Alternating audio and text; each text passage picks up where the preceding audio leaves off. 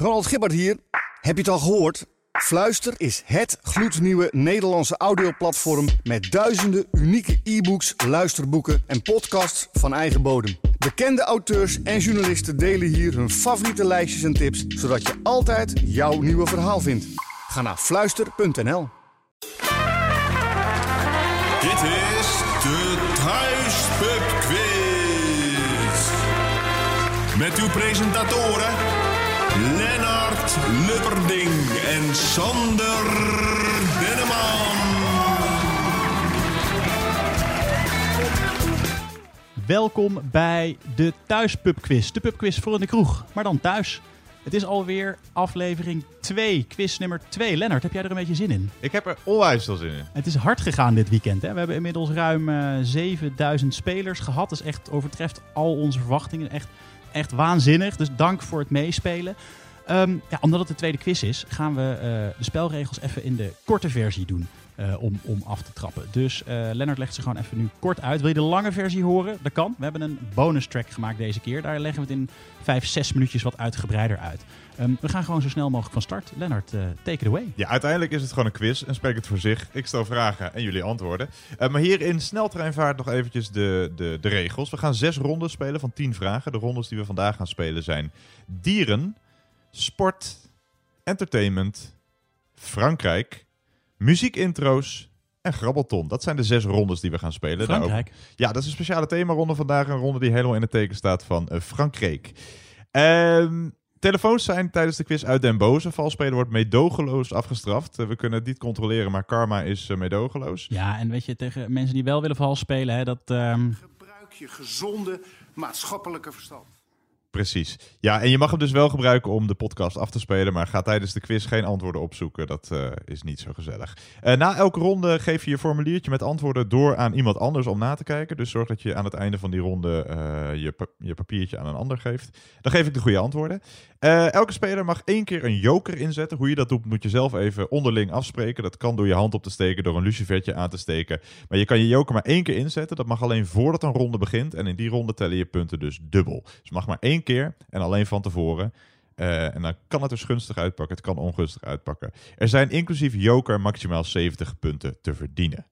Zorg dat je pen en papier voor je hebt liggen. Zorg dat je een drankje, een biertje of een andere versnapering voor je hebt. Want wij gaan beginnen. Ja, we gaan beginnen. Ehm, als je nou trouwens aan het spelen bent en je denkt... hey, ik wil dit delen met vrienden... tag ons dan even op thuispubquiz.nl op Instagram, Facebook, Twitter. Ehm, en dan gaan we nu echt van start. Ik, eh, ik heb er zin in. Ja, we gaan naar ronde 1. En ronde 1 staat helemaal in het teken van dieren. Allerhande soorten dieren. Echte dieren, maar ook dieren in films, boeken en series. Maar ook eh, mensen met een dier als bijnaam of als achternaam zou kunnen. Zit er niet in, geloof ik. Eh, kortom, dieren. Dus wil je je joker inzetten bij deze ronde, die helemaal in het teken staat van dieren...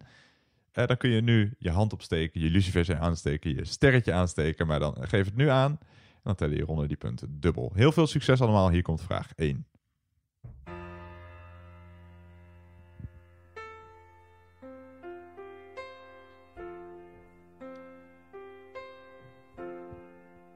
Het is niet zo lang geleden, maar het lijkt een ver verleden.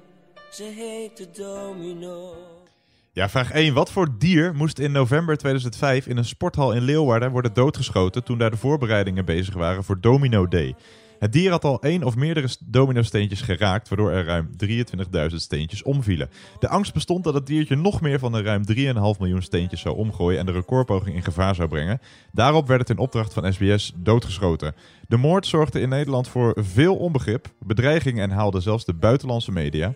Het dier werd na zijn of haar dood opgezet en bevindt zich in de collectie van het Natuurhistorisch Museum Rotterdam. Om welk dier gaat het? En we willen een enigszins specifiek antwoord. Domino of zo.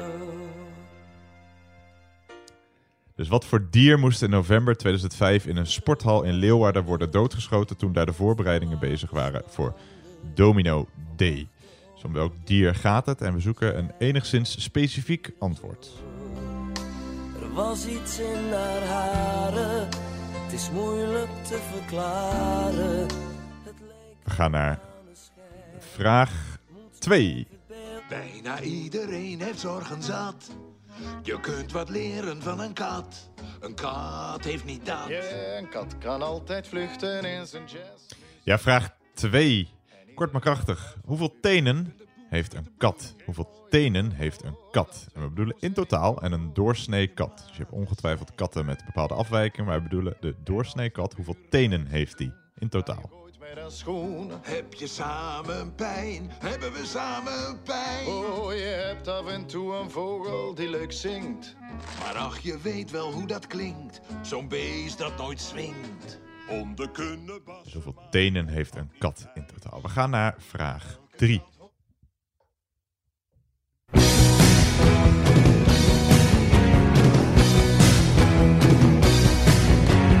Oh,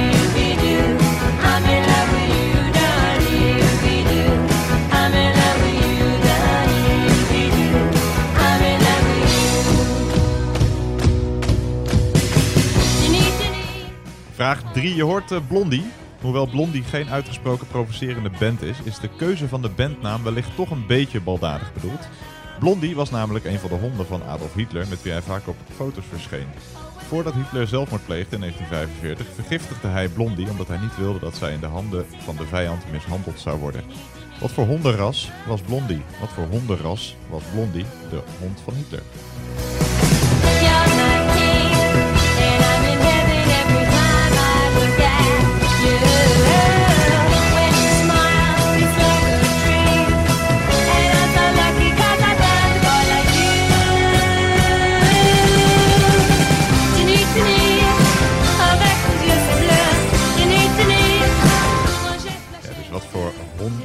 Was Blondie, de hond van Adolf Hitler? We gaan naar vraag 4.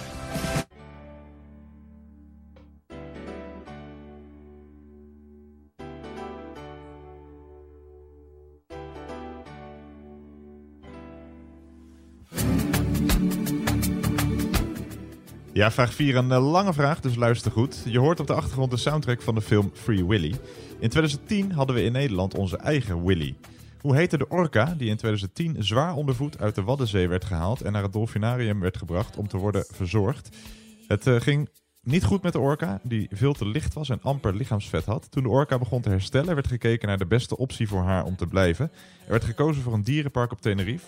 Die voorgenomen verhuizing leidde tot veel kritiek van dieren- en natuurorganisaties die vonden dat ze moest worden teruggezet in de natuur. Uiteindelijk moest zelfs de Raad van State eraan te pas komen. Die oordeelde dat de orka in goede omstandigheden naar Tenerife was verhuisd.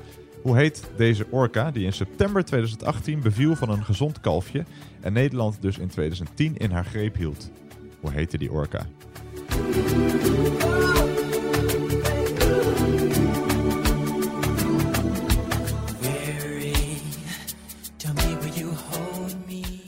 Dus hoe heette de orka die in 2010 zwaar ondervoed uit de Waddenzee werd gehaald en naar het dolfinarium in Harderwijk werd gebracht om te worden verzorgd en inmiddels prins heerlijk op Tenerife leeft? We gaan naar de volgende vraag, vraag 5.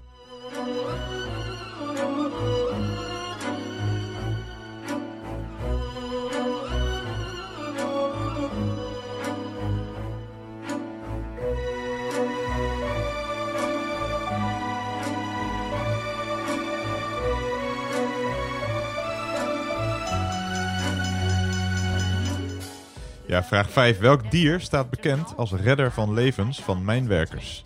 Dus welke dieren werden vroeger gebruikt in de mijnbouw om te waarschuwen voor mijngas? Dus welke dieren staan bekend als redder van levens van mijnwerkers? Kortom, welke dieren werden vroeger gebruikt in de mijnbouw om te waarschuwen voor mijngas? Schrijf ook hier een zo specifiek mogelijk antwoord op. Dus stel het is een labrador, schrijf dan niet hond op. Dus schrijf een zo specifiek mogelijk antwoord op. I'm. Need to grow, have to push. Flicking through vinyl and feeding the rush. I dig for that one and I open the hunt. It's taking all day from the back to the front. I'm digging and digging. You know, sorry, baby, gone. Dus welke dieren werden vroeger gebruikt in de mijnbouw om te waarschuwen voor mijngas? We gaan naar vraag 6.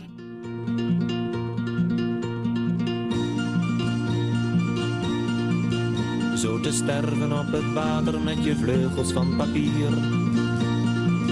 Zomaar drijven na het vliegen in de wolken drijf je hier. Met je kleuren die vervaren zonder zoeken, zonder vragen eindelijk voor altijd rusten. En de bloemen die je kust, de kleuren die je hebt geweten, alles kan je nu vergeten. Op het water vlieg je heen en weer. Zo te sterven op het water met je vleugels van papier. Vraag 6. 2019 was het jaar van de eikenprocessierups. Hij zorgde voor veel overlast. Mensen in het hele land klaagden over jeukende bultjes, jeukende ogen en benauwdheid. Door de zachte winter die we hebben gehad, zou de rups ook deze zomer wel weer eens voor eh, veel overlast kunnen gaan zorgen. Uit de pop van de eikenprocessierups komt een bruin-grijze, vrij lelijke nachtvlinder. Met een beetje een harige kop. Hoeveel poten heeft die? Hoeveel poten heeft de vlinder die voortkomt uit de eikenprocessierups? Hoeveel poten heeft de vlinder die voortkomt uit de eikenprocessierups?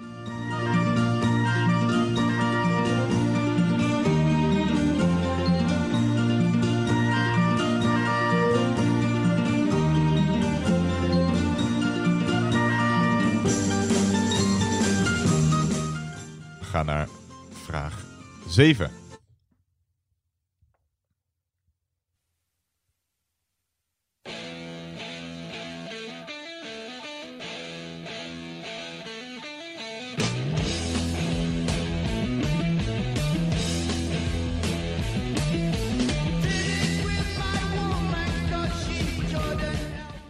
Vraag 7. Van welk dier beet Ozzy Osbourne tijdens een optreden in 1982 de kop eraf? Een fan gooide het dier op het podium. Ozzy Osbourne dacht dat het nep was en beet de kop eraf. Hij moest met spoed naar het ziekenhuis om een eh, mogelijke besmetting met hondsdolheid te voorkomen. Nadien kreeg hij allerlei dierenrechtenorganisaties achter zich aan. Maar om wat voor dier ging het? Dus van welk dier beet Ozzy Osbourne tijdens een optreden in 1982 de kop eraf? Een jaar eerder trok Osborne tijdens een overleg met een platenmaatschappij in een dronken bui al de kop van een duif eraf. Dat dier zoeken we dus in dit geval niet. Dat was iets minder per ongeluk. Hij wilde chockeren, wat lukte, want hij kreeg daarna een platencontract. Maar van welk dier beet Ozzy Osbourne dus tijdens een optreden in 1982 de kop eraf?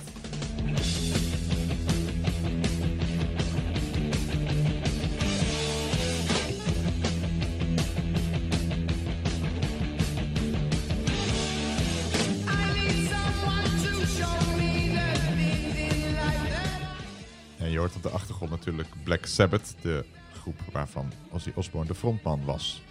Eh, we gaan naar vraag 8.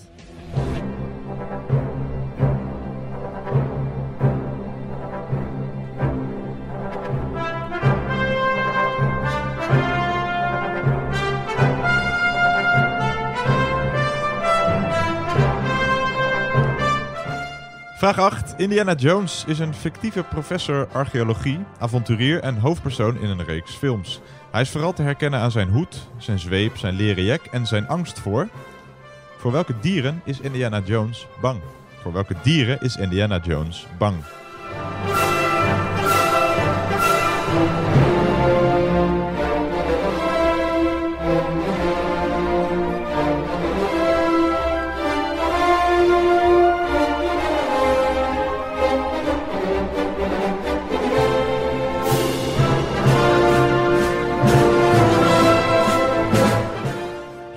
Dieren is Indiana Jones bang? We gaan naar vraag 9.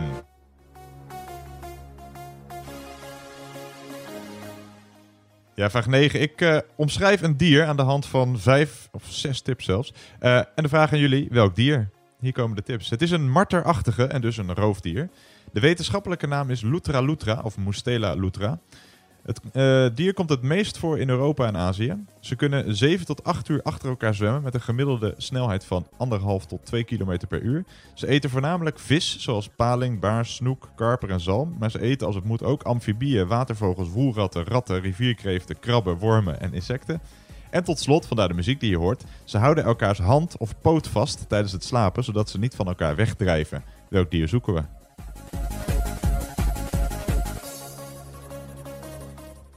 Dus welk dier zoeken we? Ze houden elkaars poot vast tijdens het slapen, zodat ze niet van elkaar wegdrijven.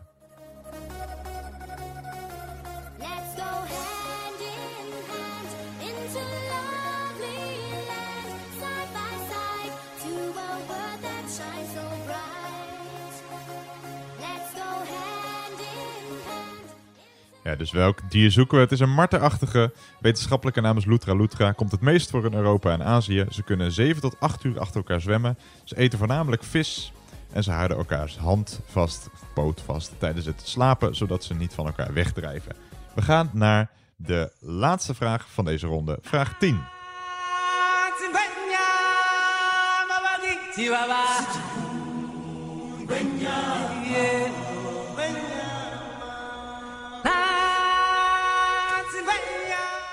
Ja, vraag 10.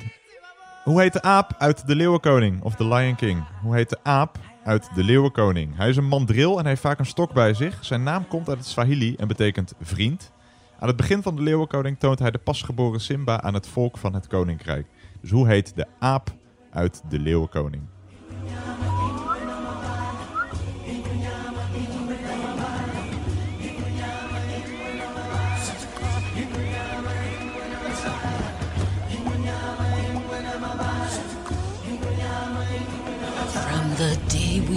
Arrive on the planet and blinking step into the sun, there's more to see than can Ja, dit waren de 10 vragen van de eerste ronde, van de dierenronde. Zorg dat je je papiertje aan een ander geeft. Zorg dat je zo meteen een papiertje van een ander voor je neus hebt. Ja, of ehm, zet hem, het is misschien ook het moment even op pauze te zetten als je met Zoom meespeelt, wat natuurlijk ook toch veel mensen doen. Eh, dan kan je eigenlijk heel eventjes eh, een fotootje maken van je antwoorden naar elkaar appen. In ieder geval, eh, dit is het pauzemoment, mocht je hem nodig hebben en je via Zoom meespeelt. Ik, ehm, ik vond hem redelijk te doen. Denk ik ook. Een goede ronde om mee binnen te komen. Ik denk dat je zometeen ook zal horen dat als je een antwoord hebt gegokt, dat het waarschijnlijk het goede antwoord is. Veel vragen die kon je misschien, misschien wist je ze niet, maar je kon ze wel gokken en dan zul je zo meteen merken dat je in veel gevallen goed hebt gegokt waarschijnlijk. En hij was ook alsnog redelijk goed te doen. Dus gaan we naar de goede antwoorden? Ja, let's go. Hier komen de goede antwoorden. Vraag 1. Eh, welk dier moest in november 2005 in, in een sporthal in Leeuwarden worden doodgeschoten toen daar de voorbereidingen bezig waren voor Domino Day? Ja. hij ging natuurlijk de geschiedenis in als de Domino Mus. Dus de mus is het goede antwoord of de huismus is ook goed. Vogel rekenen we niet goed. We vroegen naar een specifiek antwoord. Eh, dus mus mag je goed rekenen en huismus mag je goed rekenen. was toen wel echt een ding, Domino D-Day, toch? Dat was Nog steeds, een, volgens mij komt het terug. En ik hoop eh, dat ze dit keer eh, maatregelen treffen om geen vogels binnen te laten. Of hem gewoon laten Ja, leven. ze, moeten die, die, die, dat, eh, ja, ze moeten gewoon het, het, het dakraampje dicht doen. Dat lijkt me heel verstandig, ja. Vraag 2. Het goede antwoord op de vraag hoeveel tenen heeft een kat in totaal? En we zochten dus een doorsnee normale gemiddelde kat. Dus je hebt ongetwijfeld katten met een ander aantal tenen. Maar Ja. Het goede antwoord is 18. Vijf tenen aan beide voorpoten en vier tenen aan de achterpoten. Ja, de gemiddelde kat heeft vier tenen aan elke poot. En aan de voorpoten zit, er bovendien, zit bovendien nog een extra teen die de grond niet raakt. Oh. Sommige raskatten, zoals bijvoorbeeld eh Maine Coons, of als je dat zo uitspreekt, kunnen wel zeven eh, tenen per poot hebben. Dat heet polydactylie, als je meer, meerdere tenen hebt. Is dat om in bomen te klimmen of zo? Dat, dat denk ik, ja. Maar een gemiddelde kat heeft 18 tenen. Dat is dus het goede antwoord. 18. Nou, dan weten we dat ook weer. Ja, dat is een ontzettend fijn weetje. Daar kun je, daar kun je mee thuiskomen als je zo meteen de kroeg weer mag. Ehm, vraag 3.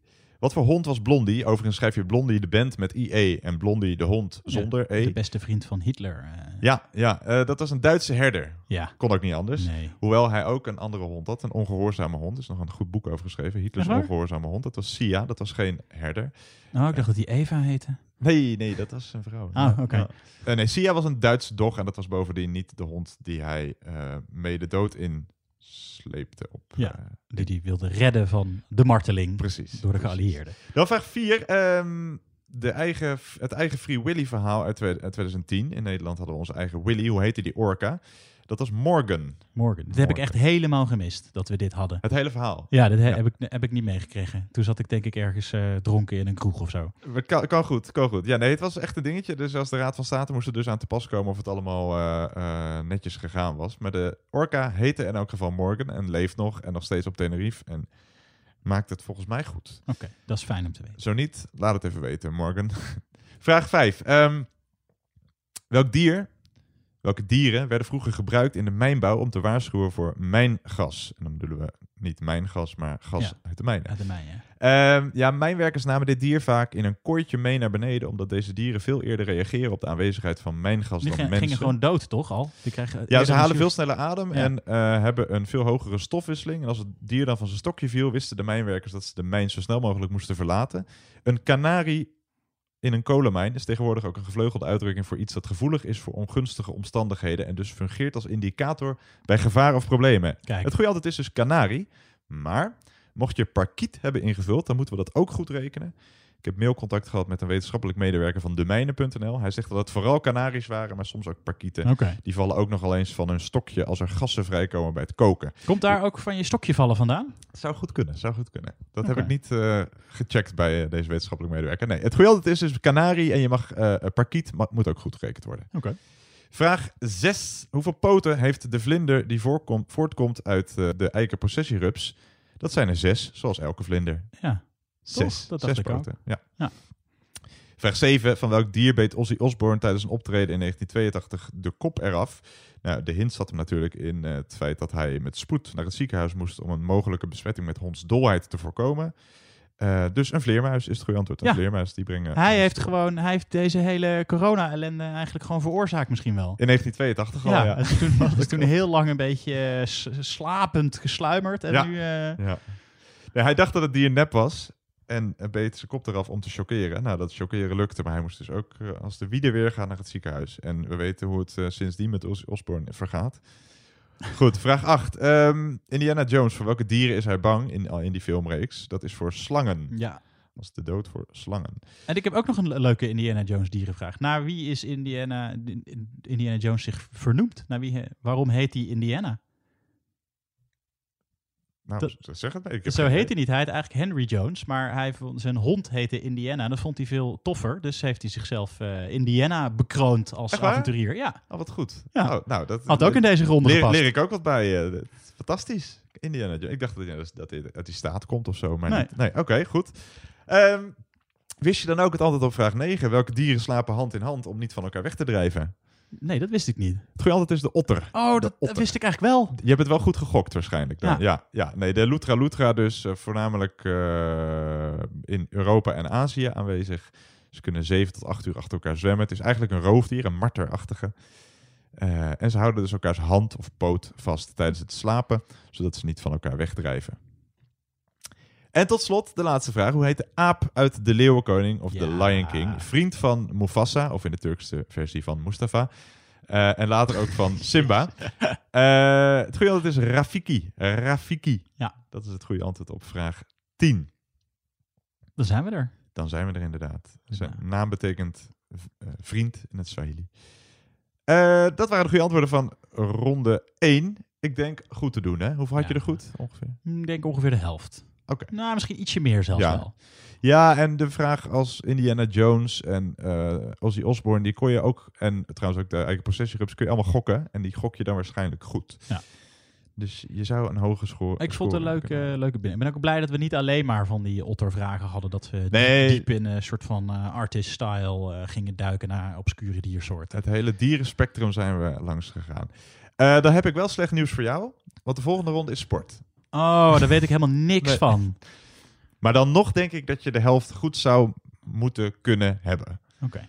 Ook hier kun je namelijk gokken, als je het niet weet. En in sommige gevallen kun je dan ook gewoon de goede kant op gokken. Dus de volgende ronde is de ronde sport. Wil je bij deze ronde je joker inzetten? Doe dat dan nu. Tellen je punten dus dubbel. Dus vergeet ook niet als je net bij de ronde dieren je joker hebt ingezet... of jouw tegenspeler heeft dat gedaan, om die punten even te verdubbelen. Ehm, en als je je joker wil inzetten bij de volgende ronde sport... dan tellen in deze ronde je punten dubbel. We gaan naar eh, ronde 2. Ben je er klaar voor? Ja, zeker. Zullen we hem eh, inzetten?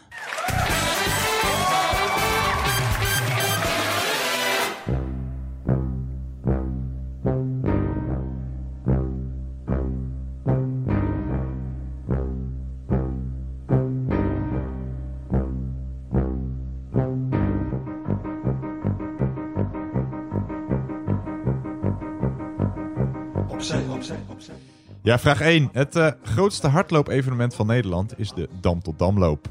De Dam tot Damloop begint in Amsterdam. Maar in welke stad finisht die? Dus in welke stad eindigt de Dam tot Damloop? Dus in welke stad finisht de Dam tot Damloop? We kunnen nu niet blijven, we kunnen nu niet langer blijven staan. Een andere keer misschien, dan blijven we wat slapen. En kunnen dan misschien als het echt moet. Ziens, adieu, het gaat je goed. We moeten rennen, springen, vliegen, duiken, vallen, opstaan en weer doorgaan. Dus in welke stad finisht de Dam tot Damloop? We gaan naar vraag 2.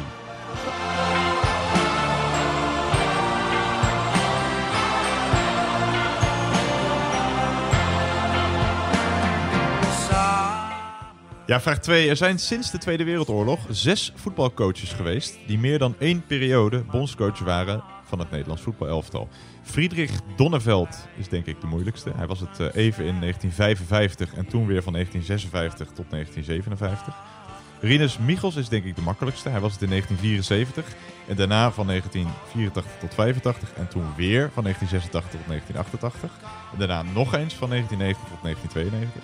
Ook Dick Advocaat en Leo Beenakker waren het meer dan eens. Maar wie zijn die andere twee bondscoaches die meer dan eens bondscoach waren van het Nederlands elftal? Een half punt per stuk. Dus welke twee andere voetbalcoaches waren verspreid over meerdere periodes bondscoach van het Nederlands elftal? En ik heb genoemd Dick Advocaat, Leo Beenhakker, Rinus Michels en Friedrich Donneveld. Wie zijn die andere twee? Ad interims tellen niet mee. zijn wij geprezen.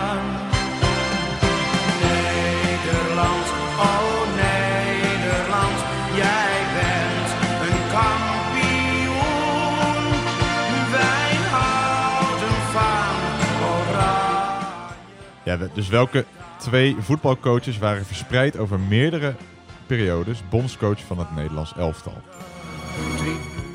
We gaan naar vraag 3. Buenas noches, mio amor.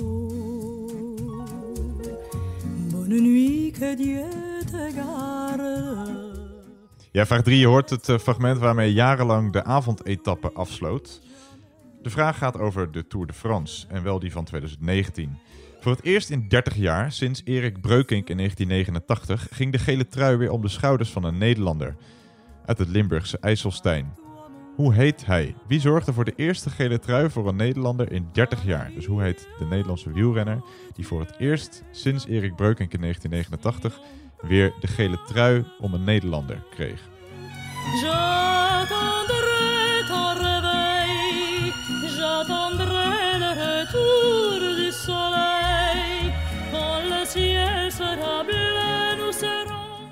Dus welke wielrenner zorgde in 2019 voor de eerste gele trui voor een Nederlander in 30 jaar? We gaan naar vraag 4.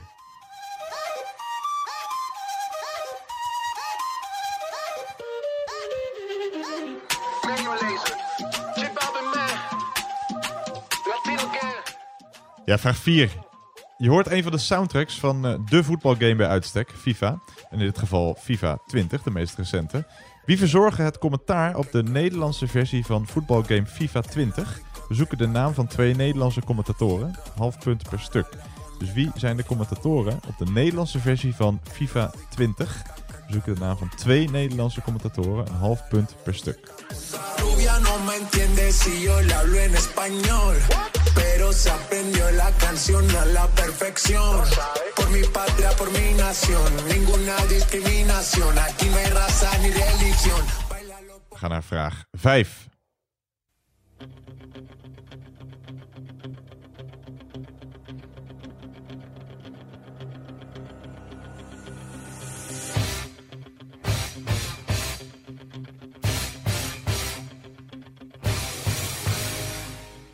Vraag 5. Wat is de benaming? Wat is de benaming voor een oor dat door beschadiging van het kraakbeen het uiterlijk heeft gekregen van een groentesoort?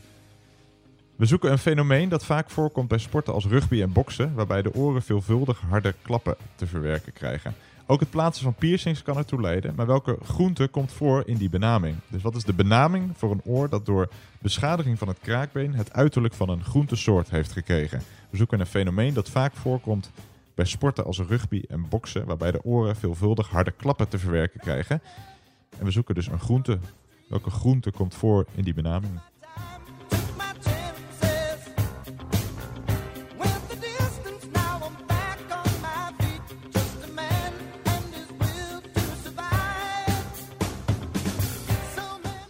We gaan naar vraag 6. En vraag 6 is een historisch fragment. Rijkaard. Ja, Kluivert, ja. Kluivert 1-0. Voor Ajax. Ajax wint deze strijd in Wenen. Ajax wint in het Europese bekertoernooi voor het landskampioenen de eindstrijd. Ja, vraag 6. In 1995 won Ajax de Champions League. Je hoorde Patrick Kluivert in de 88ste minuut de winnende maken. Maar wie was aanvoerder van Ajax op het moment dat zij in 1995 de Champions League wonnen? Wie was aanvoerder van Ajax op het moment dat zij in 1995 de Champions League wonnen?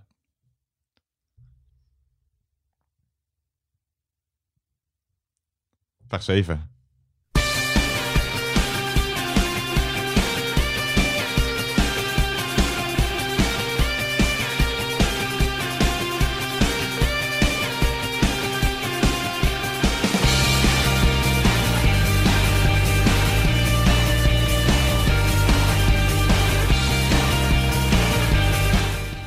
Ja, vraag 7. Je hoort de editors, of editors met hun eh, hit Munich.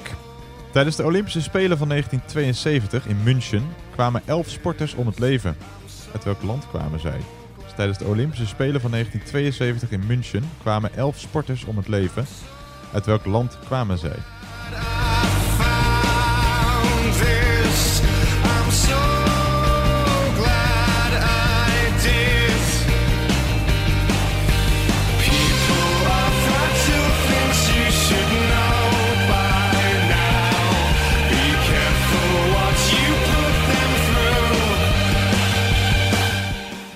Tijdens de Olympische Spelen van 1972 in München kwamen 11 sporters om het leven. Uit welk land kwamen zij? Vraag 8.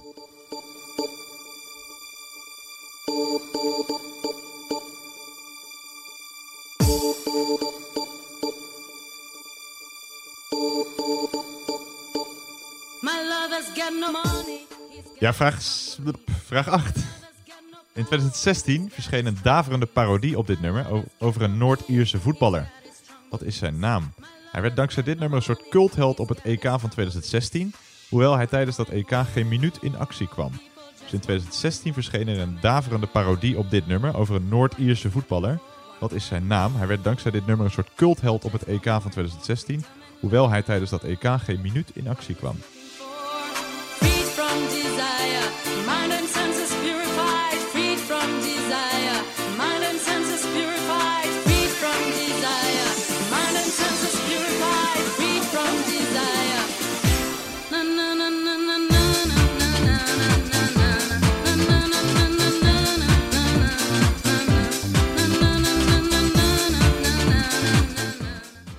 Gaan naar vraag nummer 9.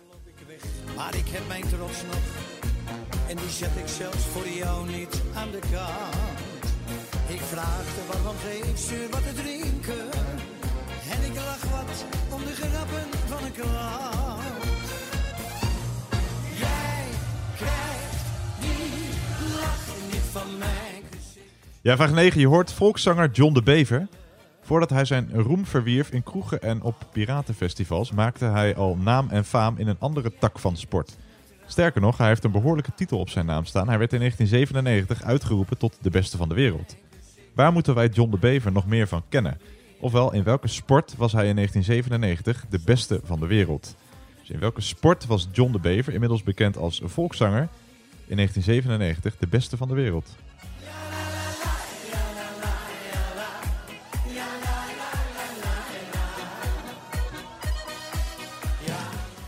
Ja, we gaan naar vraag 10. En vraag 10 zou ook voor de sportkenners wel weer een eh, makkelijke vraag moeten kunnen zijn. Vraag 10, laatste vraag van deze ronde.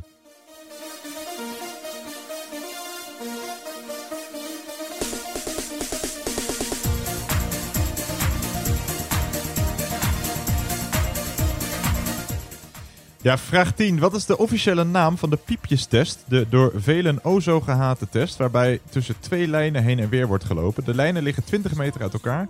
Piepgeluiden geven aan wanneer gekeerd moet worden. De test werkt met zogeheten trappen. Elke minuut wordt er één trap afgewerkt. De test wordt geregeld ingezet tijdens de lessen lichamelijke opvoeding in Nederland en Vlaanderen. Dus wat is de naam van die o zo gehate piepjestest?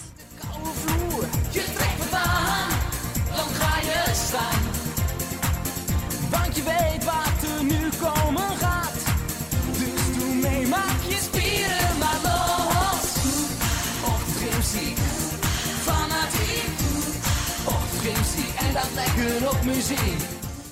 Ja, dat was vraag 10. Ja, nou, ik, ik eh, denk dat ik er best wel wat weet eigenlijk. Als niet-sportkenner alsnog wel... Ja, ja. er zitten wel een paar goede bij. Keurig, keurig. Ja, eh, als je niet van sport houdt, dan was het even doorbijten deze ronde. Eh, daarvoor kan ik vast verklappen dat de volgende ronde entertainment is. Dus weer een hele andere tak van sport. Oh, Daar weet ik alles van. Eh, mocht je op Zoom zitten of je wil hem even pauzeren, doe dat nu. Want wij gaan eh, bijna naar de goede antwoorden. Dus wissel ook eventjes je papiertje uit met een ander. Dan eh, gaan wij naar de goede antwoorden. Yes. Vraag 1. Het eh, grootste hardloopevenement van Nederland is de Dam tot Damloop. Die begint in Amsterdam eh, en eindigt 10 Engelse mijl, oftewel 16,1 kilometer verderop in Zaandam. Ja, dat wist ik. Ik heb nooit gelopen. Ja, ik ook. Twee of drie, drie keer, geloof ik. Oh. Eh, voor sommigen eindigde de meest recente Dam tot Damloop tot hun spijt waar hij begon. Afgelopen Dam tot Damloop moest hij eh, halverwege worden ge... Het was heel heet, toch? Het was heel heet, ja, precies. Ja. Hij moest halverwege worden stilgelegd omdat er eh, te veel mensen langs de weg lagen, geloof ik. Ja. Dus eh, voor die mensen eindigde die ook in Amsterdam, maar dat gaan we hier natuurlijk niet goed rekenen. Het goede antwoord is de Zaandam. Ja. Dan vraag 2. die twee bondscoaches, die twee andere bondscoaches die verspreid over meerdere periodes bondscoach van het Nederlands elftal waren. Ik denk dat ik er één weet. Vertel. Eh, Louis Vergaal? Louis Vergaal is goed. In eh, 2000, van 2000 tot 2002 was hij het. En van 2012 tot 2014. En die andere, als je hem hoort, is het ook een oh ja. Hij was het van 1994 tot 1998. En van 2014 tot 2015. Guus Hiddink? Guus Hiddink. Oh ja. kijk, ja, ja. Eh, even kijken. En ehm, alle ad interim stellen dus niet mee. Eh, dus dit waren de enige goede antwoorden. En je krijgt een half punt per stuk. Dus als je alleen Louis Vergaal hebt, heb je een half punt. Als je alleen Guus Meeuw... eh, Guus Meeuw is- Guus, Guus Ja, als je alleen Guus zet, heb je nul punten. Maar als je ook Guus, alleen Guus Hiddink hebt, dan... Precies, eh, als je Guus Meeuwis hebt ingevuld, dan is het extra knap. Eh, dan de volgende vraag. Ehm, welke Nederlander zorgde voor de eerste gele trui voor een Nederlander in 30 jaar? Dat was echt wel een prestatie. De laatste keer was het dus Erik Breukink in 1989. Maar hoe heette die Nederlander die het in 2019 voor elkaar kreeg? Dat was Mike Teunissen. Mike Teunissen. Ja, eentje voor in de geschiedenisboeken. Misschien is bij sommigen de naam al lang weer ergens eh, in een hokje verdwenen die niet open ging. Ja. Eh, ook Dylan Groenewegen won eh, individuele etappes in de Tour, maar die droeg niet de gele trui. Dus dat is niet het goede antwoord. Maar Mike Teunis is dus het enige goede antwoord. Vraag 4. de bekendste game ter wereld, zo ongeveer FIFA. FIFA 20 in dit geval. De twee Nederlandse commentatoren van de, het spelletje. Eh ja, Juri, en Mulder, Juri Mulder en Evert de Napel hielden het na 15 jaar voor gezien. Dus Oh die ja, deden het ook 15 Evert jaar de lang. Napel had ik in mijn hoofd. Die zijn het niet meer. Het zijn tegenwoordig Siert de Vos en Jeroen Gruter. Ah. Half punt per stuk. Siert de Vos en Jeroen Gruter. Dan vraag 5. de benaming voor een oor dat door beschadiging van het kraakbeen Ja, het ik. uiterlijk van een groentesoort heeft gekregen. Dat zijn bloemkooloren. Bloemkooloor, inderdaad. Ja, bloemkool is het goede antwoord. Bloemkooloor mag allebei goed gerekend worden. Ehm, vraag 6. Wie was de aanvoerder van Ajax toen zij in 1995 de Champions League wonnen? Heb je enig idee? Nee, ik heb geen flauw idee. Maar ik, wacht, ik doe eh, ehm, Frank de Boer. Nee, speelde wel mee. Goede gok. Ehm, zat wel in dat team. Eh, voor Frank Rijkaard was het zijn, laatste, zijn voorlaatste wedstrijd uit zijn carrière. Maar de aanvoerder van Ajax op dat moment was Danny Blind. Oké. Danny Blind. Had ik ook kunnen gokken misschien. En die was nog bijna geschorst geweest voor die wedstrijd. In de halve finale kreeg hij namelijk geel waar hij rood had moeten krijgen tegen Bayern München. Maar hij maakte de finale dus wel mee dankzij een, eh, een zeer vriendelijke scheidsrechter in de halve finale. Oké. Ehm, vraag 7. Tijdens de Olympische Spelen van 1972 in München kwamen elf sporters om het leven.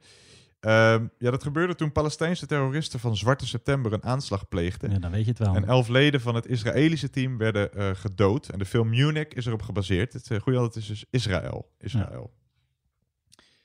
Eh, bij vraag 8 gaan we zo even luisteren naar het goede antwoord. Want kort voor het EK van 2016 plaatste Sean Kennedy, een supporter van de Engelse club Wigan Athletic, een video online. En dat was deze video. Luister even naar het origineel. He will score goals. He will score just more and more. He will score goals. He will score just more and more. He will score goals. he will score just more and more. He will score goals. Hey! And that's what we're signing for. Will Griggs on fire. Ja, Will Griggs on Fire. Het was een daverende hit in 2016. Het werd door allerlei landen overgenomen. Het was daarmee zo'n beetje het officieuze anthem van het eh, EK van 2016. Het werd ook opgepikt door DJ Keno. Die maakte er deze versie van. Oh, er, is nog, er is nog een versie. Als het goed is wel, ja. Oh, wacht even. Ja, die- nee, klopt. Het staat ook onder de knop. Deze versie. Will Griggs 28th goal in all competitions for Wigan Athletic. He's had a superb season.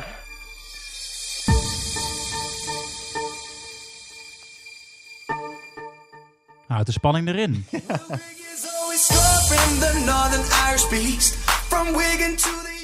Ja, dit was dus de, de, de versie die later werd gemaakt. Geef mij de versie van Sean Kennedy maar. Sean Kennedy kreeg trouwens van Wigan-voorzitter David Sharp een gratis seizoenskaart voor het seizoen 2016-2017.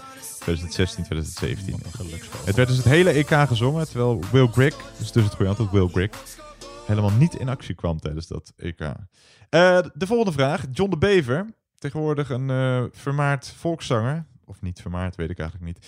Ehm, hij- Bejubeld. bejubeld, zeker. Maar ook door heel veel mensen niet. Eh, maar waarin was hij de beste van de wereld in Mag ik een gokje doen? 1997? Ja?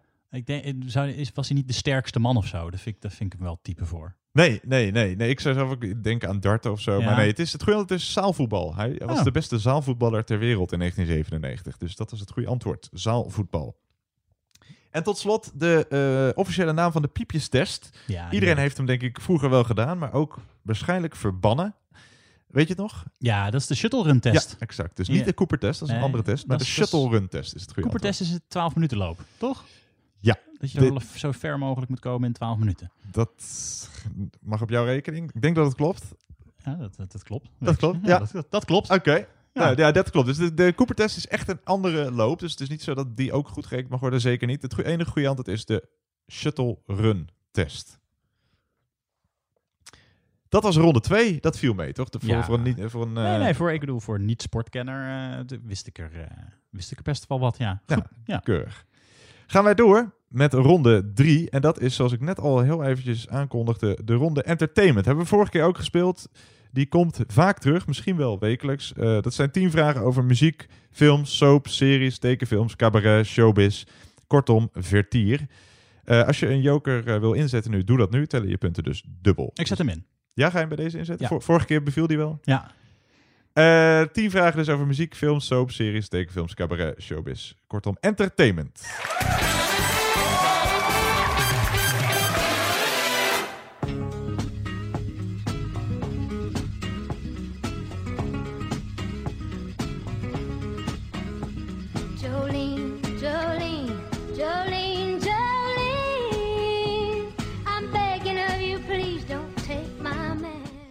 Ja, vraag 1. Je hoort Dolly Parton met het eh, prachtige Jolene. Het nummer stond in 1973 in slechts twee landen op één in de hitlijst. Alleen in de Verenigde Staten en in Canada. In Nederland kwam het zelfs niet verder dan de tipparade. Dolly Parton scoorde zelf één nummer 1 hit in Nederland. Dat was het nummer You Are uit 1983. In 1992 stond opnieuw een nummer van Dolly Parton op nummer 1 in de Nederlandse top 40. Alleen ditmaal gezongen door iemand anders.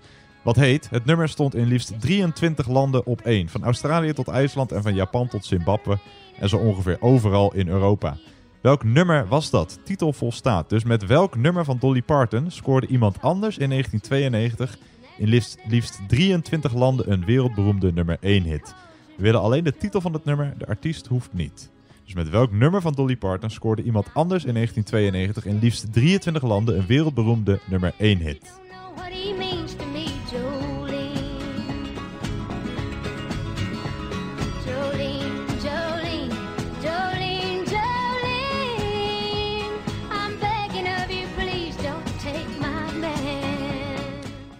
Gaan naar vraag 2.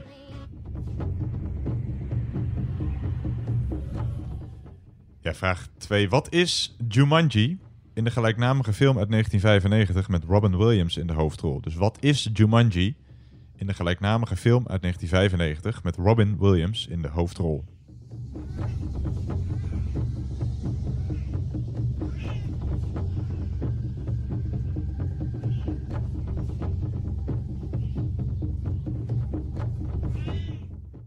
Gaan naar vraag 3.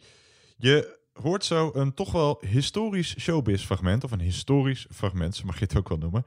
En de vraag is simpel. Wie hoor je? Dus wie hoor je in het volgende historische showbiz fragment?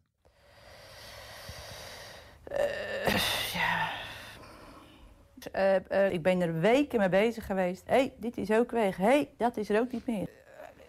Eh, eh, alles is weg. Alles weg. Sprei, eh, konijnenbondjes, alles is weg. Servetten, weg. De, de blender, weg. De citruspest, weg.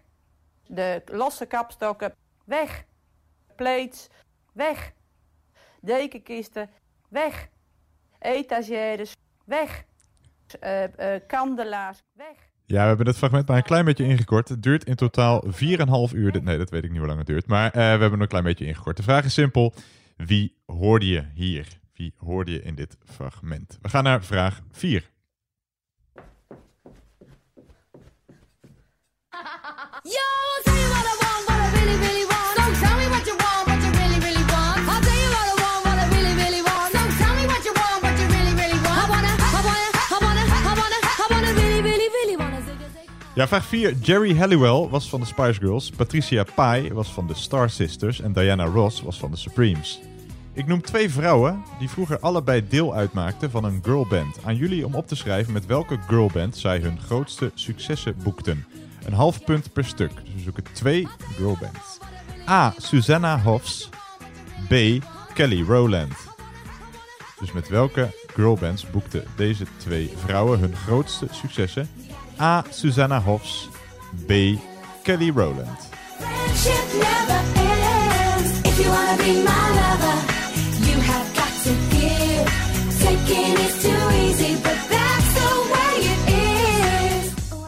Een half punt per stuk. We gaan naar vraag 5.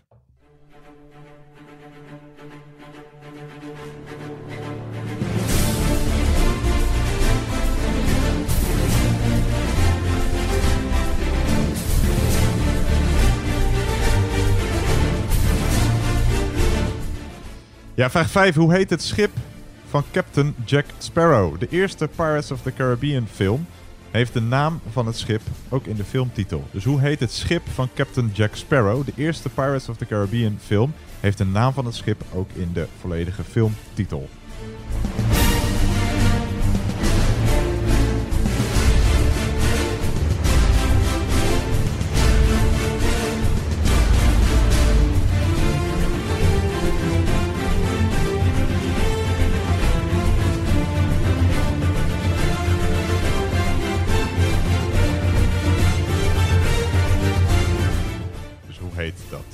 Schip? We gaan naar vraag 6.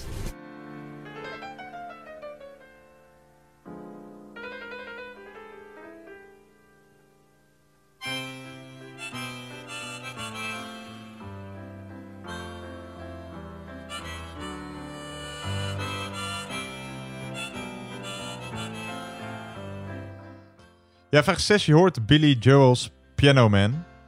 Hoe heet de barman in de Piano Man? Hoe heet de barman in de Piano Man?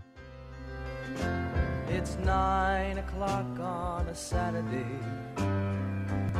A regular crowd shuffles in. There's an old man sitting next to me, making love to his tonic and Ja, dus hoe heet de barman in de Piano Man? En het zal je niet verbazen dat dat ergens in het liedje voorkomt. We gaan naar eh, vraag 7. Is een wat langere vraag, dus luister goed naar de volgende vraag. Vraag 7. Welke Amerikaanse acteur kwam er op, pas op 37-jarige leeftijd achter dat zijn oudere zus eigenlijk zijn moeder is? Zijn moeder raakte op haar 17e zwanger na een affaire met een getrouwde man. De acteur die we zoeken werd opgevoed door zijn grootouders. Zij lieten hem in de waan dat ze zijn ouders waren. Zijn echte moeder deed zich dus voor als zijn zus. Pas in 1974 kreeg hij het ware verhaal over zijn gezinssituatie te horen. Zijn moeder en grootmoeder waren toen al overleden. Dus welke acteur heeft tot aan zijn 37ste gedacht dat zijn moeder zijn zus was? De persoon die we zoeken was een van de hoofdrolspelers in de film waarvan dit de soundtrack was.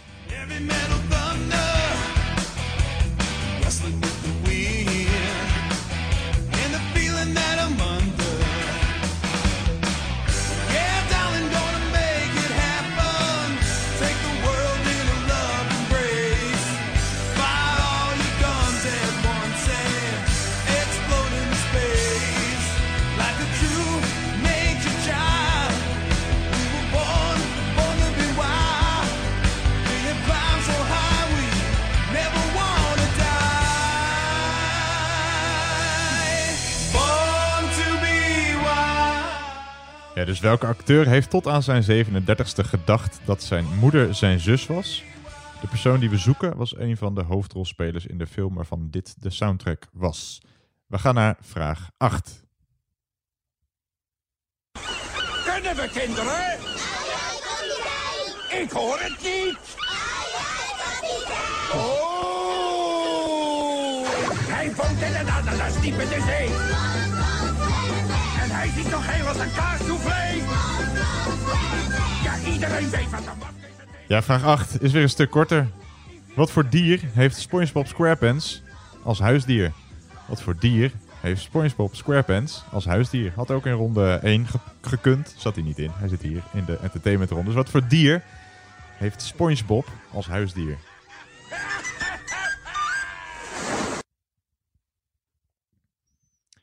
Goed, we gaan door naar vraag 9.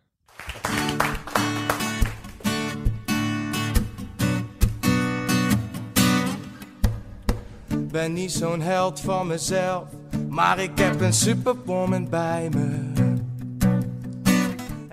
Ja, vraag 9.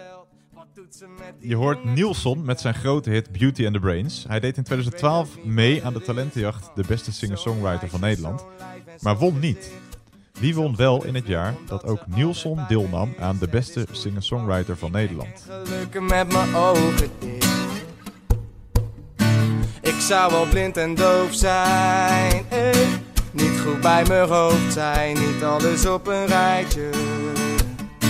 Als ik niet zag ah, wat ik hier voor me had, want zij is alles, alles, alles, alles in één.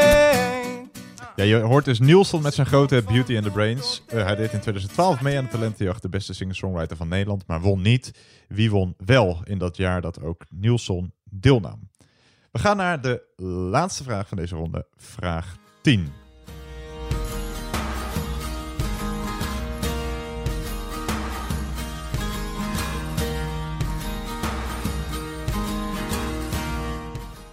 Ja, vraag 10. Welke Amerikaanse acteur hoort bij het volgende rijtje films? Mystic River, Dead Man Walking en I Am Sam. Hij werd voor al die films genomineerd voor een Oscar. Voor Mystic River won hij hem ook daadwerkelijk. De man die we zoeken regisseerde de film waarvan dit een van de soundtracks is. Dus welke Amerikaanse acteur zoeken we?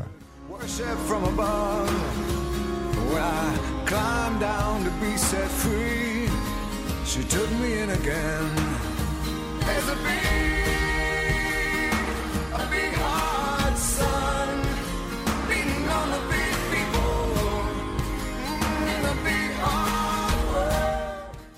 voor wie deze film trouwens niet gezien heeft, een aanrader. Eh, maar welke Amerikaanse acteur zoeken we? Hij was dus de regisseur van de film waarvan dit de soundtrack is.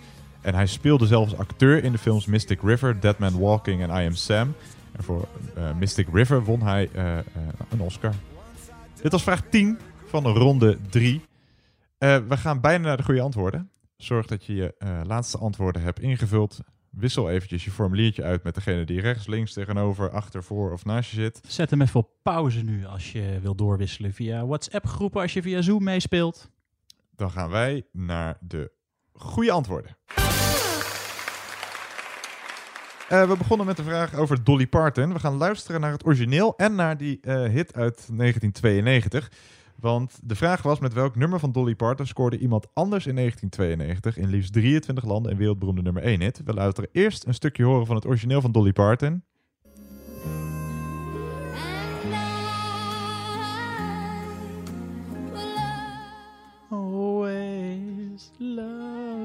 Ja, en het werd natuurlijk een nog veel grotere hit in 1992 dankzij dit nummer.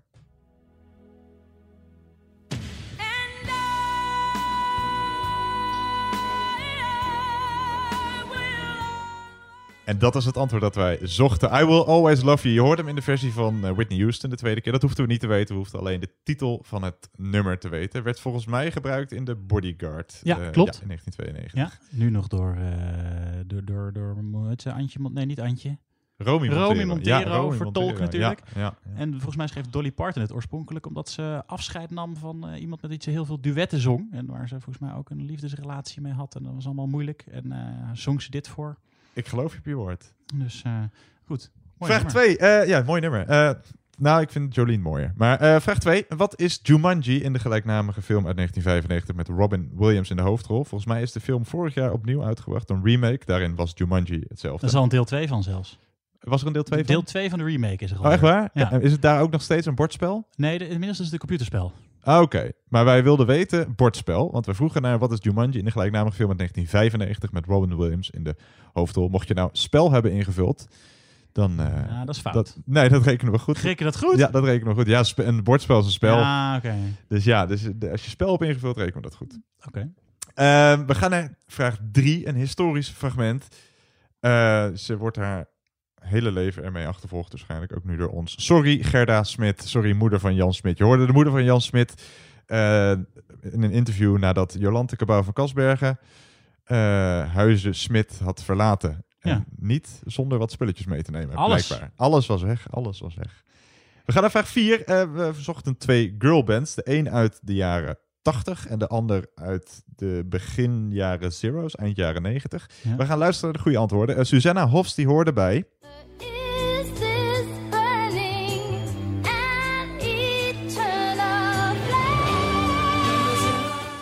Ja, Susanna Hofs hoorde dus bij de Bangles. En Kelly Rowland, die daarna ook nog succesvol alleen doorging, eh, hoorde bij.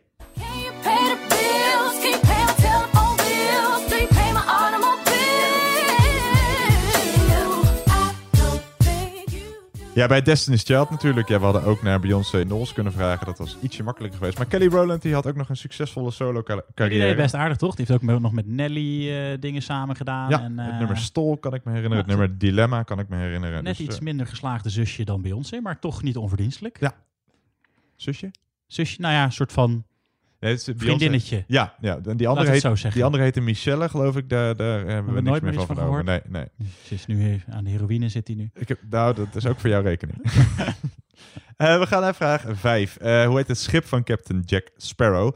Ehm, de eerste Pirates of the Caribbean film heeft de naam van het schip ook in de naam Ja. van de film. De Black Pearl is dat. Black Pearl. Dat klopt.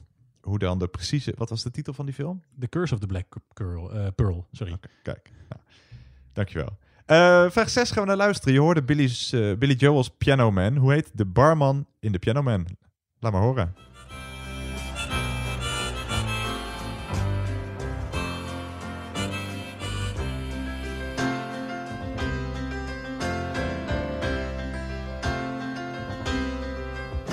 Now John at the bar is a friend of mine.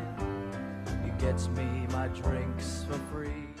Ja, John at the bar is a friend of mine. John is het goede Ja, antwoord. krijg geeft gratis drank weg. Echt Ja. een leuke vent is ja, dat, John. een hele goede barman, ja. Ehm, we gaan naar vraag 7. Ja, dat bizarre verhaal van een Amerikaanse acteur... die er pas op zijn 37ste achterkwam... dat zijn oudere zus eigenlijk zijn moeder is. En eh, in, op dat moment waren zijn moeder en grootmoeder al overleden... Ik, toen denk, hij het ik horen had kreeg. geen idee, maar toen je een beetje een hint gaf, durf ik wel een educated guess te doen. Doe maar. Dennis Hopper. Nee, is niet het goede antwoord. Het zat wel in die film waarvan we de soundtrack lieten horen. Ja. Eh, want dat was... Dat was Born to be Wild. Nee, Ja. maar de, de, de, de, heet die film ook zo? Nee, die heet niet zo. Die heet... Hoe heet die film?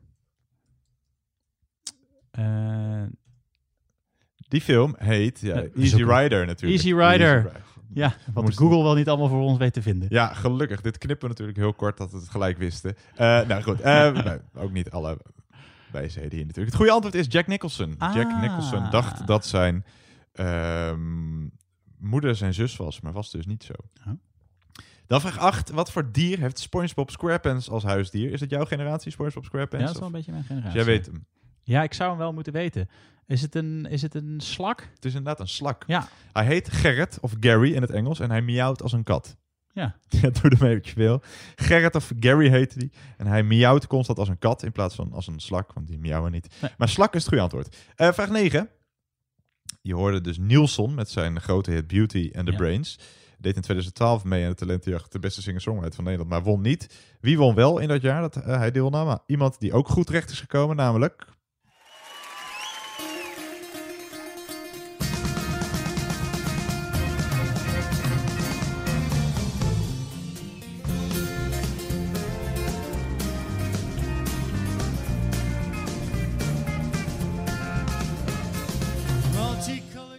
Douwe Bob. Douwe Bob Postuma. Dat is het goede antwoord. Hij die eh, een paar jaar geleden nog namens Nederland meedeed aan het Songfestival. Dus ook hij is goed terechtgekomen.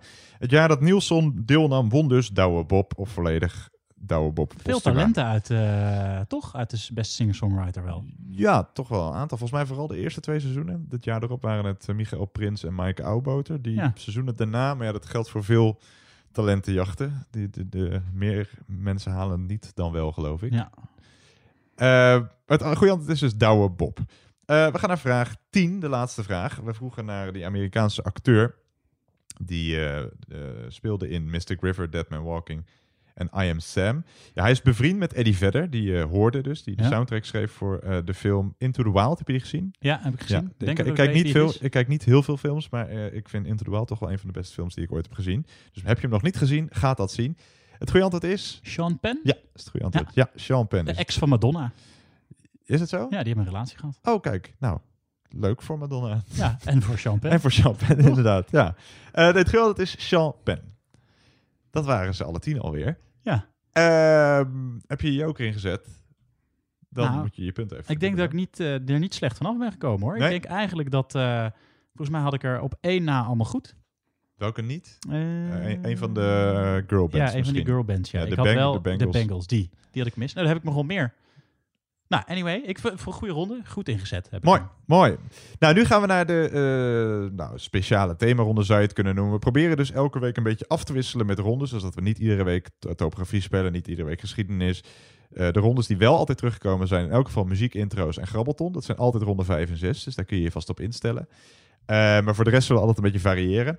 En ronde 4, ja, als we er niet naartoe kunnen, dan halen we het maar hier naartoe, is de ronde Frankrijk. Dat is een ronde die helemaal Oh, gaat ja. over Frankrijk. Dus over eh, Franse gewoontes, Franse topografie, Franse sport, Franse entertainment. Eigenlijk alles gaat over Frankrijk. Dus ben je een echte francofiel, dan is dit toch wel de ronde om je joker in te zetten. En je moet hem natuurlijk nog wel hebben. Dus als je eh, nog een joker hebt en je denkt, hey Frankrijk, ah, bonjour. Ehm, Mart Smeets, die doet graag mee aan deze ronde. ja, we hebben Mart Smeets al meerdere berichtjes van gekregen dat hij groot fan is sinds de eerste aflevering. Dus hij zou hem kunnen inzetten. Ehm, en als je er klaar voor bent, dan gaan we beginnen met vraag 1 van de ronde. Frankrijk, heel veel succes allemaal.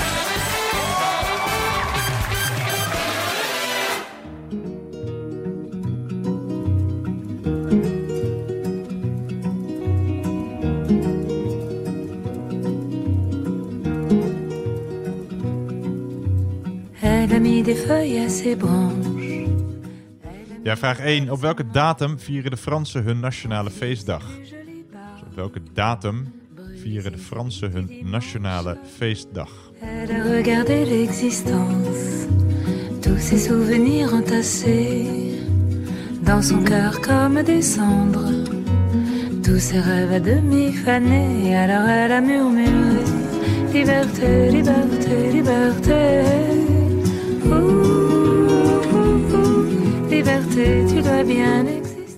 Dus op welke datum vieren de Fransen hun nationale feestdag? Vraag 2.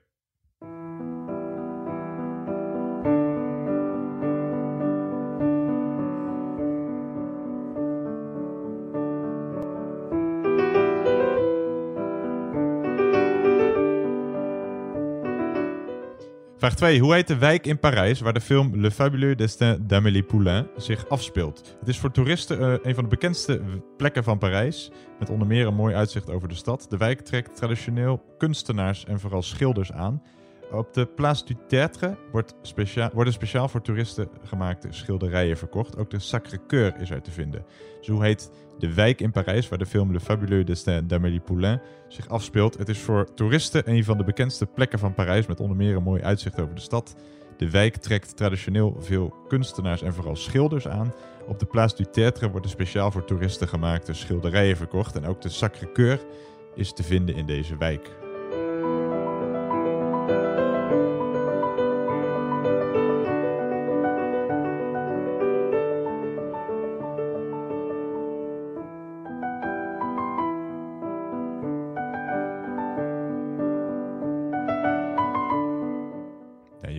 Een fragment uit die film gecomponeerd door Jan Tiersen.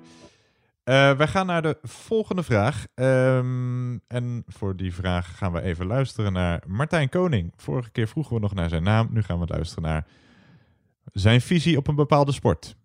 En tennis, tennis is ook verzonnen door de grootste valspeler die er ooit in de sport heeft rondgelopen. Dus gewoon een gast, komt niet tegen zijn verlies. Die heeft gewoon ter plekke de regels verzonnen. Komt niet tegen zijn verlies, heeft ter plekke de regels verzonnen. Ging gewoon twee gasten voor het eerst tennis en zo. Pa, pa, en die andere gast, die scoort zo'n punt zo. Boom. En die andere gast zo. Oké, 1-0 voor jou. Nee, 15-0. 15-0 voor mij. 30-0, 30-0 alweer. Lekker bezig, goed Jan. Lekker bezig, 30-0. Wat fuck is dit nou weer, weet je wel? Dan ging die ballen goed terugstaan, zo bam, op een gegeven moment zo 15-30. En die andere gast scoort nog zo'n punt, zo boom, 30-30. En hij scoort nog zo'n punt, zo bam. Hij is oké, 45-30. Nee, 40-30. 40-30 voor jou. Bij de derde keer is in één keer 10 punten erbij in plaats van 15. Het is eh, alleen de eerste twee keer eh, zo. 40-30 voor jou. Net. Punt voor mij. Nee, je mag twee keer serveren bij tennis. Als die eerste kut was, mag je nog een keer eh, proberen. Het is bij tennis zo. Hij scoort meteen een punt. Die andere gast, oké, nu staat het gelijk. Hij zei, nee, nee, nee, dit is juice. Juice heet dit. Hij zei, wat is juice dan? Dat is het nu. Dat is als het gelijk staat bij tennis. Dat heet juice. Ja, juice dus. Eh, de term is ontleend aan het Franse deux, 2. En is een verkorting van 40 à deux of être à deux de jeu. Zoiets eh, als aan beiden het spel. Maar wat is de Franse term voor juice, die dus onder meer wordt gebruikt tijdens eh, Roland Garros? Dus wat roept de scheids, de umpire, tijdens een Frans Grand Slam toernooi bij een stand van 40-40 in plaats van juice? Dus wat is de Franse term voor juice? Die dus onder meer wordt gebruikt tijdens Roland Garros. Dus wat roept de umpire tijdens een Frans, Franse tenniswedstrijd bij de stand van 40-40? In plaats van juice. We gaan naar vraag 4.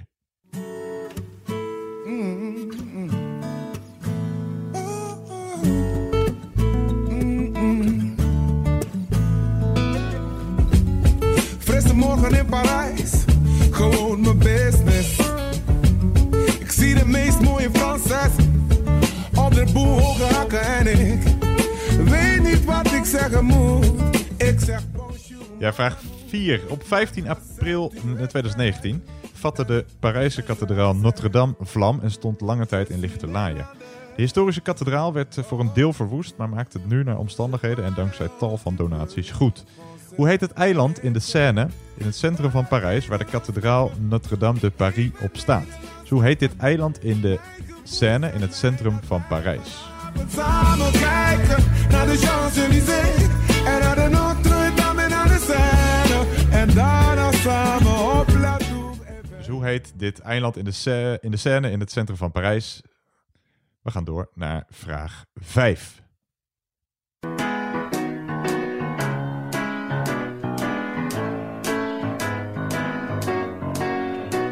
Je me baladais sur l'avenue, le cœur ouvert à l'inconnu.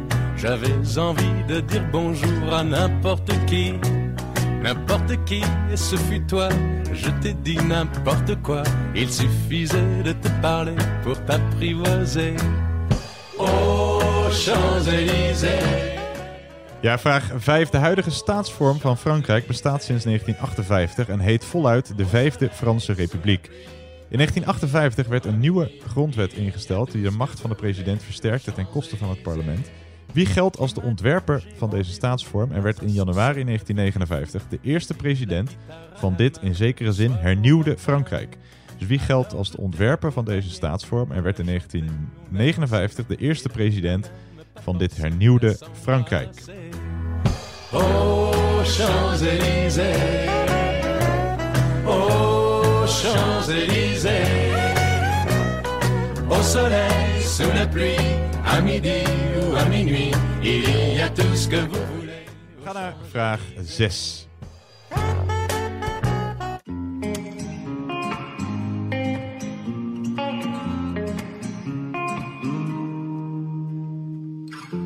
J'ai les souvenirs qui toussent. Ja, vraag 6. Je hoort de Franse band Boulevard des Airs uit het zuiden van Frankrijk. Hoe heet de krachtige noordelijke wind in het zuidoosten van Frankrijk, De sterke koude wind waait vanuit het noorden van Frankrijk door de Rhônevallei de Middellandse Zee op.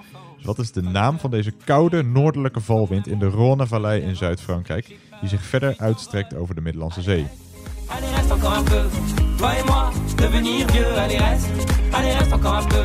Toi et moi.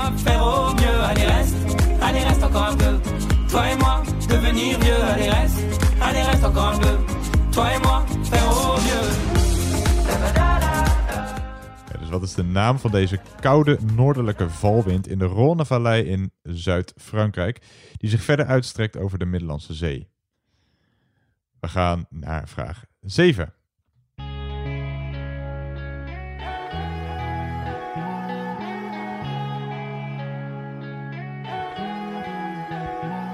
Je me tire, me demande pas pourquoi. Ja, vraag 7. Je hoort de Frans-Congolese rapper Maître Jim met zijn hit uit 2013, Je. Hij werd geboren in Zaire, nu Congo, en verhuisde op eenjarige leeftijd naar Parijs. Daar groeide hij op in een van de buitenwijken of voorsteden. Wat is de Franse verzamelnaam voor gezamenlijke voorsteden, vaak met de bijgedachte aan verpaupering, etnische en sociale problemen? Dus wat is het Franse woord voor buitenwijk die aan de rand van een grote stad ligt? Ze willen nog wel eens het decor zijn van rellen of sociale spanning. Tape de.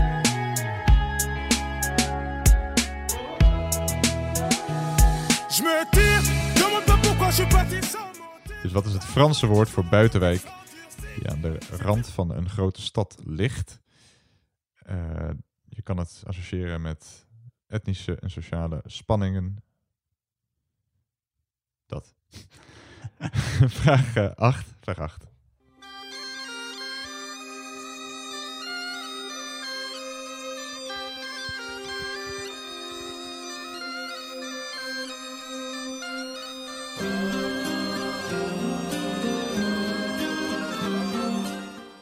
Vraag 8. Naar welke Franse regio, waar ook de band die je hoort oorspronkelijk vandaan komt, is kleding met blauw-witte horizontale strepen vernoemd. De kleding werd oorspronkelijk gedragen door Franse matrozen.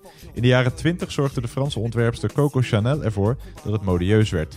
Daar deed de Franse ontwerper Jean-Paul Gaultier in de jaren 80 nog eens een schepje bovenop. Naar welke regio is die kleding met blauwe-witte horizontale strepen vernoemd? We zoeken dus de regio, niet de stijl. Dus naar welke regio is die kleding met blauwe-witte horizontale strepen vernoemd?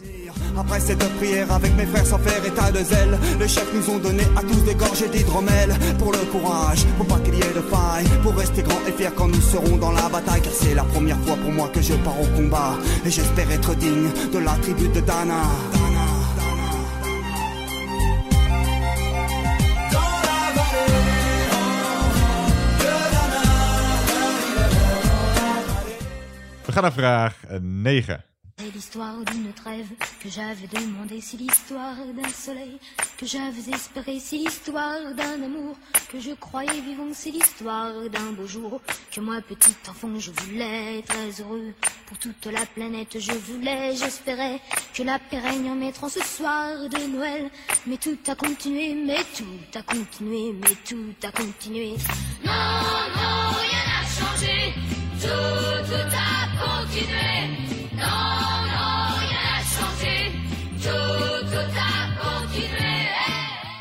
Ja, vraag 9. Je hoort Le Poppy met Non Non Rien Changé.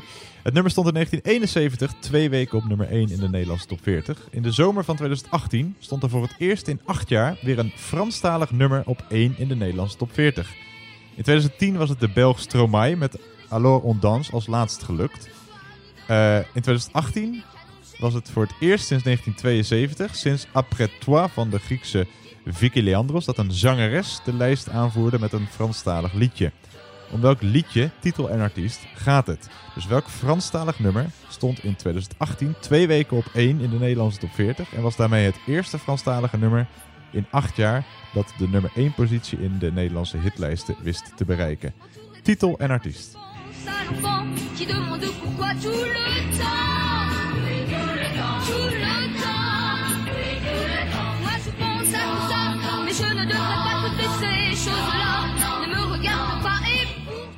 En we gaan naar de laatste vraag van deze ronde. De laatste vraag van deze ronde. Frankrijk. Vraag 10.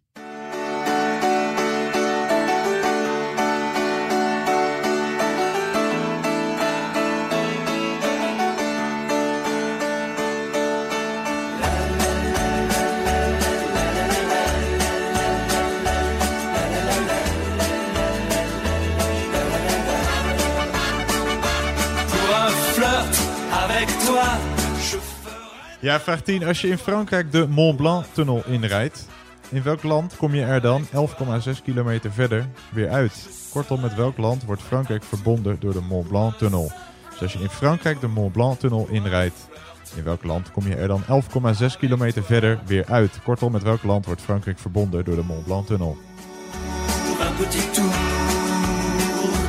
Un petit jour.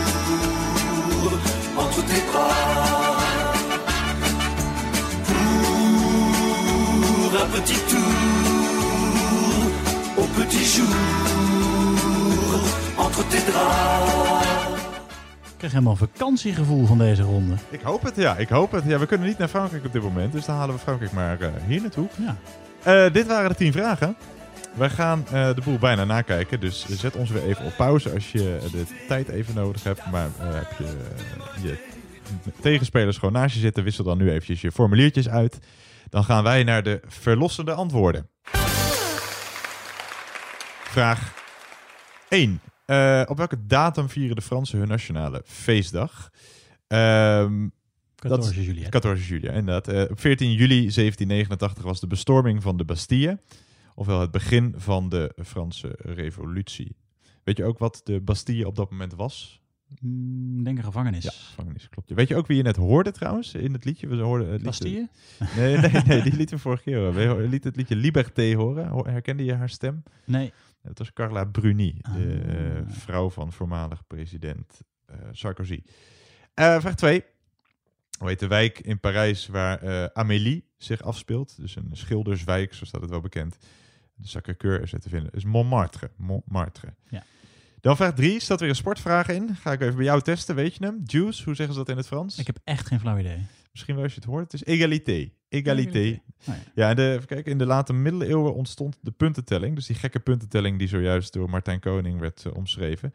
Eh, die ontstond in de middeleeuwen, die wij nu nog steeds hanteren. In de 15e eeuw was 60 het centrale getal, zoals je nu nog kan zien op een klok. Ehm, in het Frans is 70 bijvoorbeeld 70, dus 60, 70. Al in de 15e eeuw eh, moest je vier punten hebben om een game te winnen. Door deze vier delen kreeg je de score 15, 30 en 45. Het Franse voor- woord voor 45, 45. En het Engelse 45 werden te lang bevonden. Dus werd het gewoonte om 40 te zeggen. Nou, het is een enorm eh, ingewikkeld Ja. verhaal. Maar daar komt die gekke puntentelling dus vandaan. Je kan het, eh, Het antwoord was dus egalité. Het antwoord is egalité. Ja, Liberté, egalité en fraternité. Precies. Die had er ook in gekund trouwens. Eh, vraag 4. Hoe heet het eiland in de Seine in het centrum van Parijs? Ja, dat, ik, ik, het zit op het puntje van mijn tong, maar ik kom er niet op. Het is Ile de la Cité. Ja. Ile de la Cité. De Notre-Dame werd gebouwd tussen 1163 en 1345. En is dus eh, ongeveer net zo oud als die ene grap over Seine. Je kent de... Nee? Is er- is er een gra- Heb je, heb je nog aan de Seine gezeten? Nee, maar wel aan de Maine. Die. Oh, Eh, ongeveer ook grap. net zo oud als de Notre-Dame zelf. Vraag 5. De ontwerper van de Vijfde Republiek en de Ja. eerste president. Nou, Ja, ik, denk, ik ga gewoon een gokje doen. Charles de Gaulle. ja, klopt. Dat is Charles de Gaulle. Eh, dat is antwoord naar wie ook het eh, grootste vliegveld van Parijs is vernoemd. Je hoorde het nummer Champs-Élysées, natuurlijk de bekendste straat van Parijs ongeveer. En het Élysée is ook de officiële residentie van de president van Frankrijk.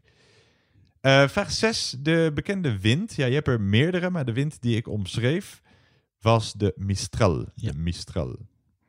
Ik ken eigenlijk maar één wind. Ja, de Passat is een wind. De, volgens mij heeft eh, het merk Volkswagen, worden niet gesponsord door Volkswagen, maar die heeft volgens mij heel veel auto's naar winden vernoemd. Volgens mij is de Sirocco ook een wind. Ah, daarom het Passat. Wat ja, grappig. Ja, dat, maar dat moet ook gecheckt worden. Volgens mij is dat zo. En dan vraag 7. Het antwoord op vraag 7 geef ik, want eh, tijdens het opnemen van eh, deze quiz waren we het antwoord per ongeluk vergeten te geven. Maar het antwoord is banlieue. De voorsteden bij Parijs die bekend staan om maatschappelijke onrust, die noemen we ook wel banlieue. Dus banlieue. Eh, dan vraag 8. naar welke regio is de kleding met blauw-witte horizontale strepen vernoemd? Ehm, de stijl wordt genoemd de marinière of de Bretonse streep. Ze waren op zoek naar Bretagne. Bretagne. Vraag 9 gaan we even naar luisteren zo. Eh, want in 2018 stond er dus voor het eerst in tijden weer een eh Franstalig nummer op 1 in de Nederlandse top 40. En voor het eerst sinds 1972 dus. Dus dat Oh. er een vrouw in het Frans zong. En het op nummer 1 eindigt in de Nederlandse top 40. We gaan luisteren naar het goede antwoord. Mais comment ça, le monde est hyper Tu croyais quoi, qu'on serait plus jamais Je pourrais t'afficher, mais c'est pas mon délire D'après les rumeurs, tu m'as eu dans ton lit Oh, dja dja Y'a pas moyen, dja dja Ja, stond in eh, 2018 dus twee weken op 1 in de Nederlandse top 40. Stond dit op 1? Dit stond op 1 in de Nederlandse top 40, ja. Eh, haar naam klinkt eh, Japans. Ze heet namelijk Aya Nakamura. Het nummer heet Jaja. Het is een Franse zangeres van Malinese afkomst. En stond dus op 1 in de Nederlandse top 40 in Ah. 2018. Wat, wa- wa- wa- wa- wat waren we aan het doen met z'n allen toen? Het is langs je heen, gega- langs je heen gegaan. Ja. Ja, ik moet heel eerlijk zeggen, ik kende het eh, ook niet. Nee. Maar het eh, heeft echt op één gestaan.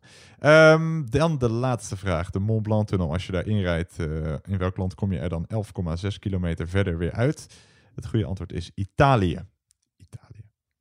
Nou, dan zijn we in Italië aangekomen. Dan gaan we naar de volgende ronde. Ita oh nee. Nee, nee, dat is niet Italië. Misschien volgende, volgende week. Misschien dat we volgende week wel weer een landenronde doen. Dus we proberen elke week een, eh, een leuke, eh, aparte, speciale themaronde te doen. Maar goed, daarover eh, volgende week meer. We gaan naar de volgende ronde. Dat is de ronde muziekintro's. Dus de ronde die elke week zal terugkomen. Wij laten tien nummers horen. En in alle gevallen willen we titel en artiest. Weet je alleen de uitvoerende artiest, krijg je een half punt. Weet je alleen de titel van het nummer, krijg je ook een half punt. Weet je ze allebei, heb je een heel punt. We laten alle nummers twee keer horen, tenminste in setjes van 10 twee keer. De eerste keer laten we ze eh, lang horen, althans tot iemand begint te zingen, dan kappen wij hem af. En de tweede keer laten ze alleen nog eventjes horen om het geheugen op te frissen. Eh, het langste nummer dat we laten horen duurt 45 seconden. Het kortste intro dat we laten horen duurt slechts 14 seconden. Ehm, en in alle gevallen willen we dus titel en artiest. Ben je nou een enorme muziekkenner? Ben je Gerard Ekdom? Zet dan je joker in. Eh, dan t- tel je punten dubbel. Dus in alle gevallen titel en artiest. We hebben uit elk decennium weer eh, een plaatje. Tenminste, ieder vanaf- wat wils. Van de, vanaf de jaren 70 uit elk decennium twee plaatjes. Van je opa tot je oma. Iedereen kan meedoen. Exact. Als iedereen er klaar voor zit, eh, Shazam wordt heel hard afgestraft hier. Dus check nog even bij iedereen of die telefoon ehm, eh, eh, uit is. In ieder geval niet op Shazam staat. Probeer jongens. eerlijk te spelen. Dan komt hier nummer 1. Gebruik je gezonde maatschappelijke verstand. Nou, dat was niet nummer 1, maar dat was gewoon even een hint. Nog even een herinnering dat je gewoon, gewoon netjes moet spelen. Ja, of het was het nummer Grapperhaus. Nou, Eh, we beginnen met eh, nummer 1. Komt ie, nummer 1.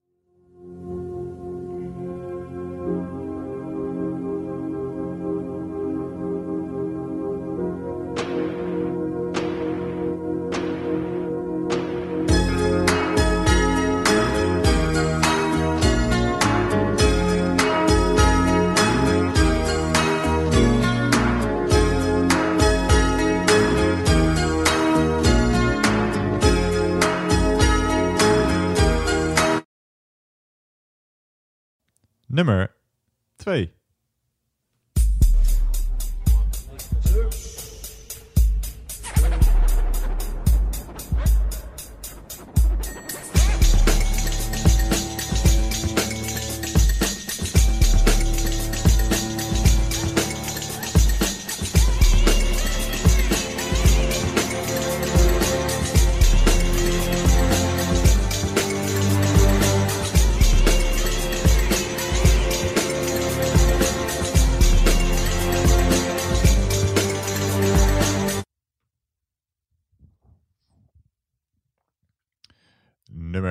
Nummer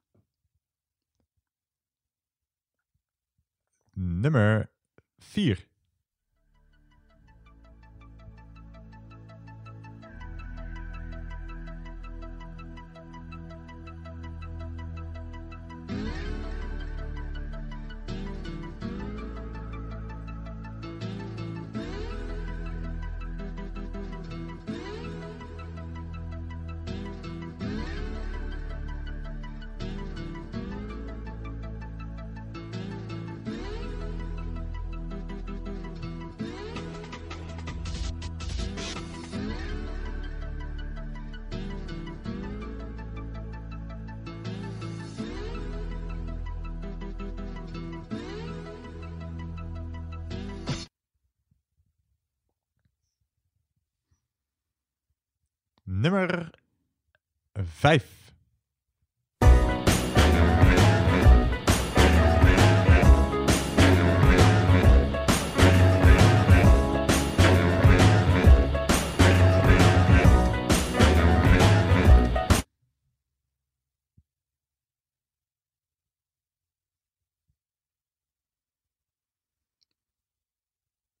Nummer 6.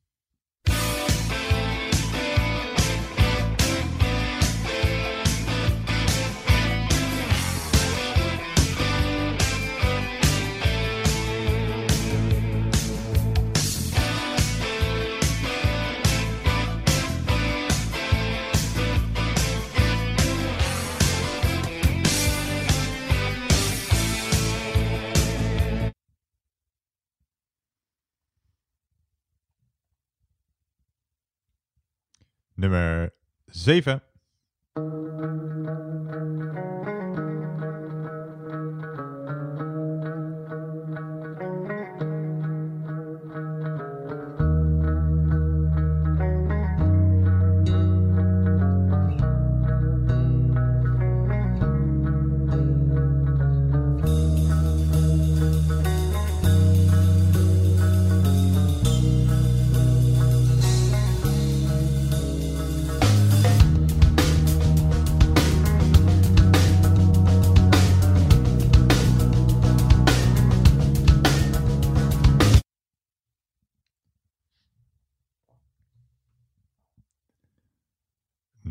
8.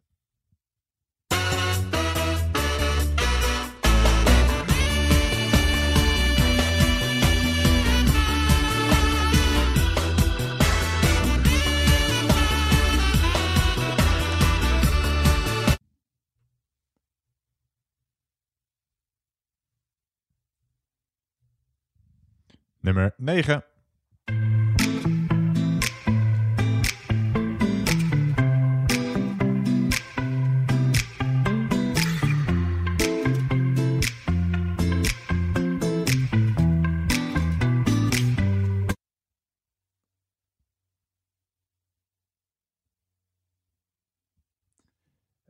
En de laatste, nummer 10.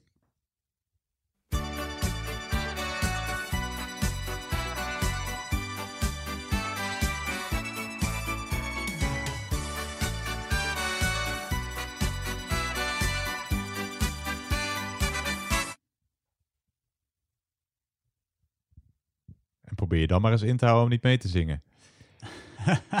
We gaan ze allemaal nog een keertje laten horen, maar dan een secondje of vijf. Alleen om het geheugen nog even op te frissen. Dus dit was nummer 1.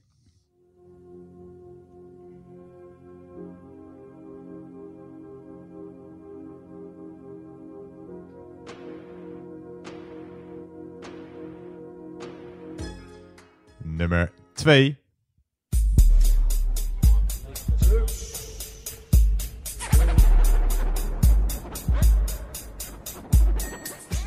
Nummer 3.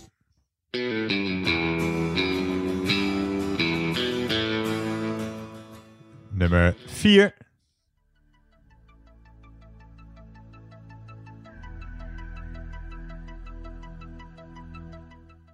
Nummer 5.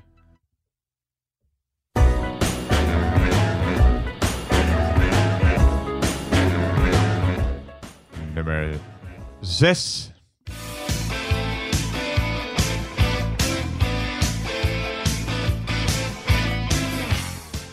Nummer 7.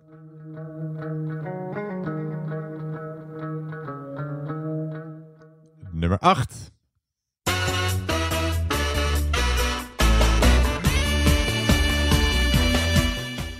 Nummer 9.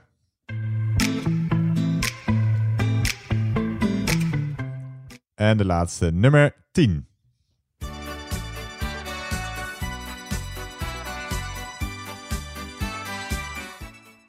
En dat waren ze alle tien. Eh, probeer je antwoorden af te ronden. Eh, titel en artiest is overal, maar eh, gok iets als je het niet weet. Ik vond het best een pittige ronde.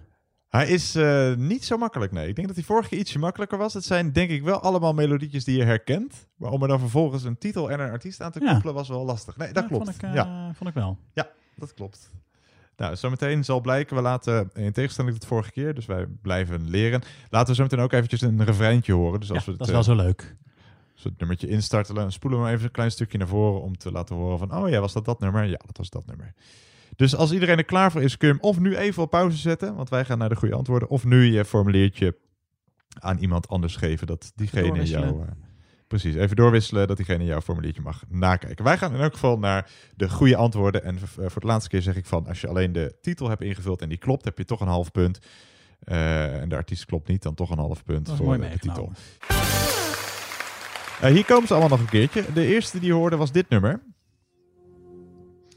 Je hoort hier eh, Phil Collins uit 1989 met het nummer Another Day in Paradise. We spoelen maar.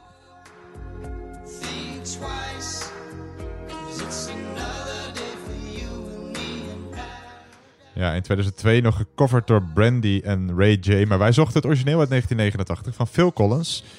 Another Day in Paradise. We gaan naar nummer 2. Ja, nummer 2. Je hoort de Britse formatie Massive Attack met hun eh, nummer uit 1991. En het nummer heet Unfinished Sympathy. En het klinkt zo als je hem een stukje naar voren spoelt.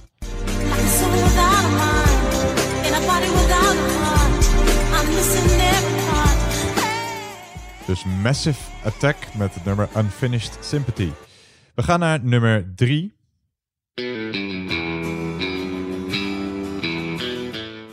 Ja, uit 2001 alweer. Je hoort hier het nummer Damn I Think I Love You van Starmaker of Chaotic. En dat klinkt zo als je hem doorspoelt.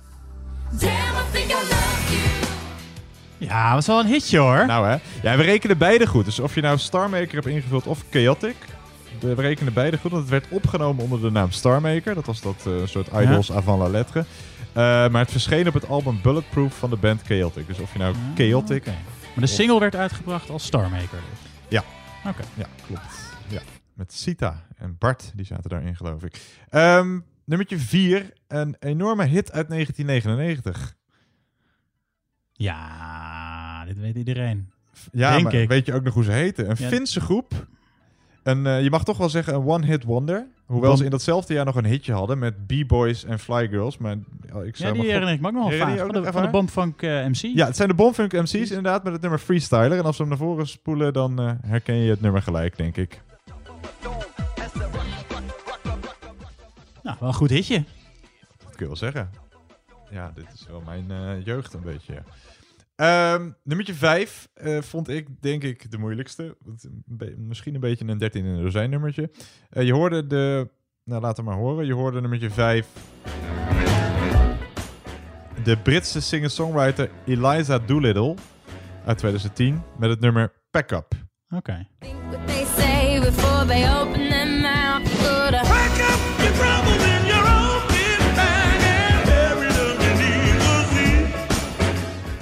Lijkt een beetje, ik dacht dat het, ehm, hoe heet die andere ook alweer was, die eh, eh, over, over, dat, over volle mensen zingt. Dat is ook alweer. Over volle mensen? Ja, iets meer, me- gewoon dikke mensen. Ze Mika. Een soort van, nee, die, Oh. heeft, ja, die heb je ook nog. Die bedoel ik niet. Nee, kom er even niet op. Ehm, nou, doet er ook niet toe. Eh, wat, dat was het niet in ieder geval. Nee, die was het niet. Nee, het was Eli- Eliza Doolittle uit eh, 2010 met het nummer Pack Up. Eh, nummertje 6, daar hoorde je Henk en Henk. Maar dat, die zijn samen natuurlijk het goede doel. En je hoorde hun hit uit 1986. Laat maar horen.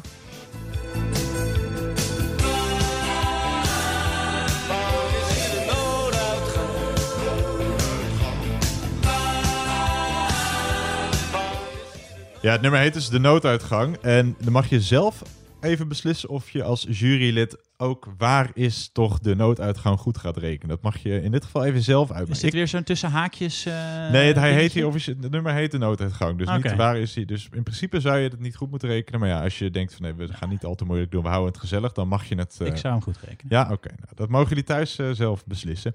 Nummertje 7 uit het nummertje nooduitgang kwam trouwens uit 1986. Nummertje 7 komt uit 2000.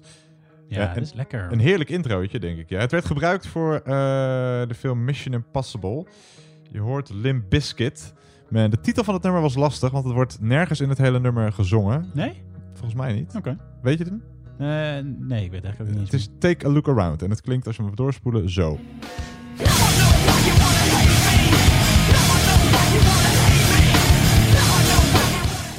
Het is natuurlijk gewoon een variant op de oorspronkelijke eh, tune van Mission Impossible.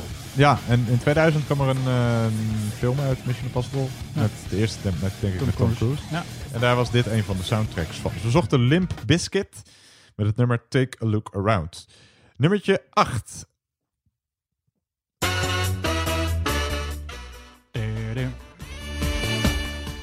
Ja, eh, het nummer werd in 1973 opgenomen, maar verscheen eh, postuum op single in 1992. Je hoort hier natuurlijk Bob Marley en de Wailers met het nummer Iron Lion Zion.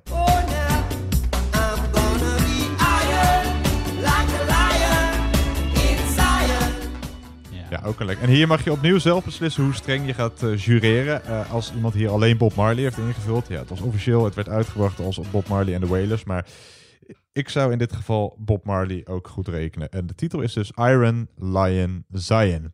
Nummertje 9. Ja, je hoort de zomerhit van eh, 2019. Ehm, het nummer heet Señorita, dat gaan we zo nog een keer laten horen. Het werd eh, gemaakt door Shawn Mendes en Camila Cabello.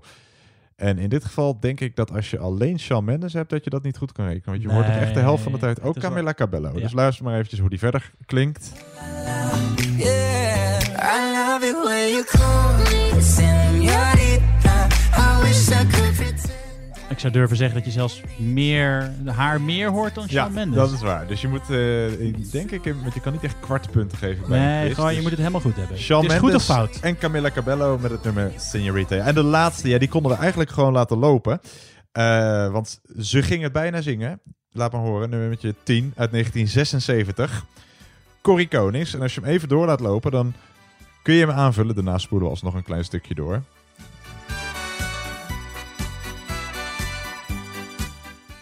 Zet jij hem in? Ik krijg... Nou, laat maar horen. Dan zing ik tegelijk. Ik krijg een heel apart gevoel. Van binnen.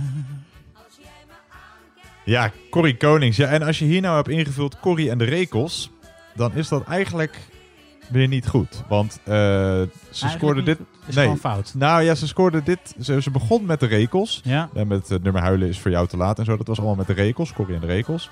Eh, maar daarna startte ze een solo carrière. En dit nummer bracht ze uit als Corrie Konings. Ja, nee, maar dan rekenen die gewoon fout. Dat is een beetje Ja. als dat je, dat, je, dat je op een gegeven moment bij nieuwe nummers van Guus Meeuwis nog opschrijft Guus Meeuwis en Van Gant. Ja. Dat tellen we ook niet Nee, goed. klopt. Dus eh, heb je Corrie en de Rekels? Helaas niet goed. Heb je Corrie Konings? Dan is het wel goed. Corrie Konings met het nummer Ik krijg een heel apart gevoel van binnen. Eh, hij was inderdaad pittig. Hij was pittiger dan vorige keer. Volgende week is hij misschien weer een stukje makkelijker. Ja, we proberen altijd een beetje een balans te vinden in de hele quiz. Ehm, mocht je dubbele punten, mocht je joker hebben ingezet, bedoel ik, dan heb je dubbele punten. Dus dan eh, verdubbel je punten dan even. Dan gaan wij naar de laatste ronde. Yes. En dat is zoals elke week de ronde Grabbelton. Zoals de naam al doet vermoeden, van alles wat. Dus als je nog een joker hebt, zet je je joker in. Grabbelton betekent eigenlijk geen thema, maar van alles door elkaar. Zonder dat wij ons aan een bepaald thema hoeven te houden. Dus als je nog een joker hebt, zet hem in. Zorg dat je weer je eigen formuliertje voor je neus hebt of een nieuw formuliertje. Dan gaan wij beginnen met vraag 1. Gebruik je gezonde maatschappelijke verstand. Dat is bij deze ronde extra belangrijk. Bij de Grabbelton. Ja, net als bij elke ronde eigenlijk. Ja, maar hierbij des te meer, des te meer, ja. Vraag 1.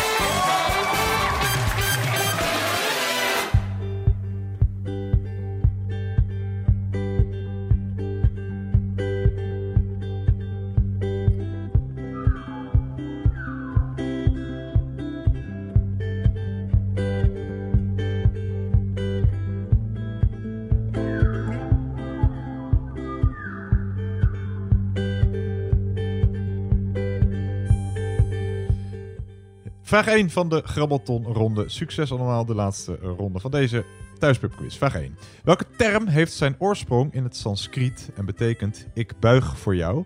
Het is in India, maar ook in verschillende andere Aziatische landen, een gebruikelijk hindoeïstisch gebaar om te groeten en respect te, te, te tonen.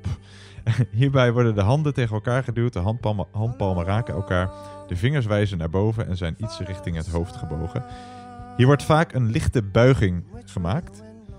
De term wordt ook gebruikt bij yoga. Het kwam er een beetje haperend uit, dus daarom stel ik hem nog één keer. Welke term heeft zijn oorsprong in het Sanskriet en betekent ik buig voor jou? Het is in India, maar ook in verschillende andere Aziatische landen, een gebruikelijk hindoeïstisch gebaar om te groeten en respect te tonen.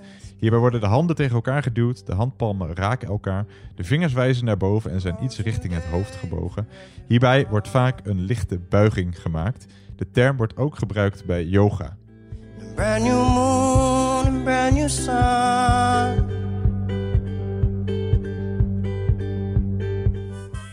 Ja, en mocht je nou bij dit fragment helemaal zijn weggedommeld, dan zorgt fragmentje 2 er wel voor dat je weer wakker bent. camping aangekomen, zie je veel bekenden. Het zijn de de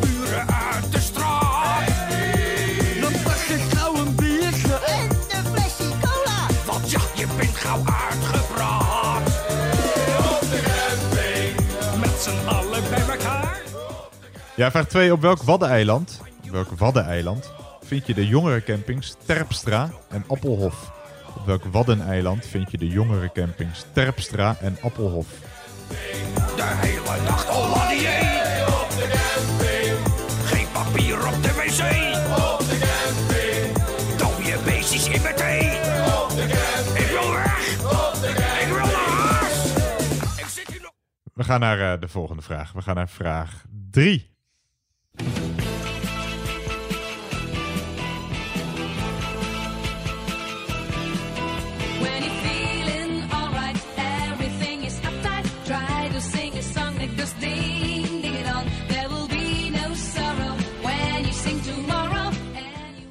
Ja, vraag 3. Je hoort het liedje waarmee Nederland in 1975 het Eurovisie Songfestival won. Teach-in met Diggedong.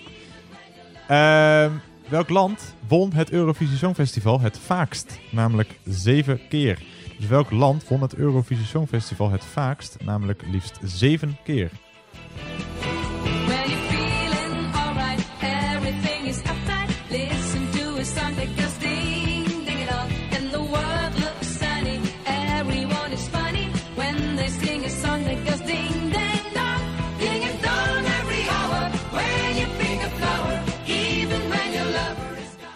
Dus welk land won het Eurovisie Songfestival het vaakst? Namelijk liefst zeven keer. We gaan naar vraag 4.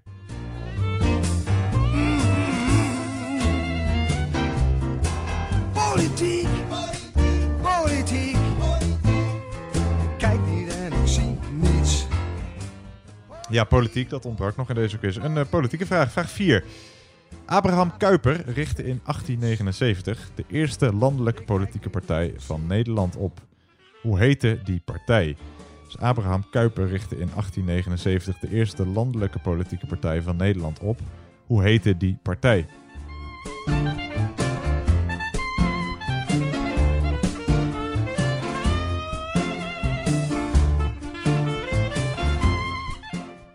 Dus Abraham Kuyper richtte in 1879 de eerste landelijke politiek, politieke partij van Nederland op. Hoe heette die partij? We gaan naar vraag 5. The birds, the love, the air, the breeze, the dew, the spring in me. The wind, the birds, the love, the air, the breeze, the dew, the love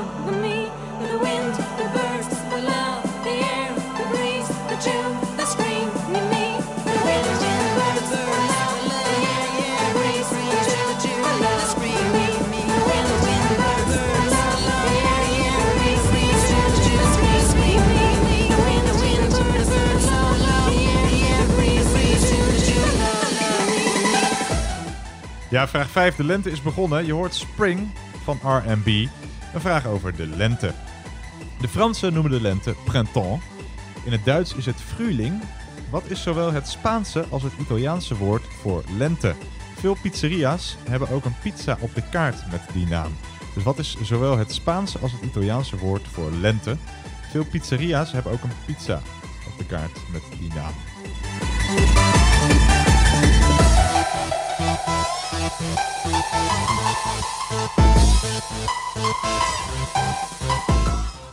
We gaan door naar vraag nummer 6.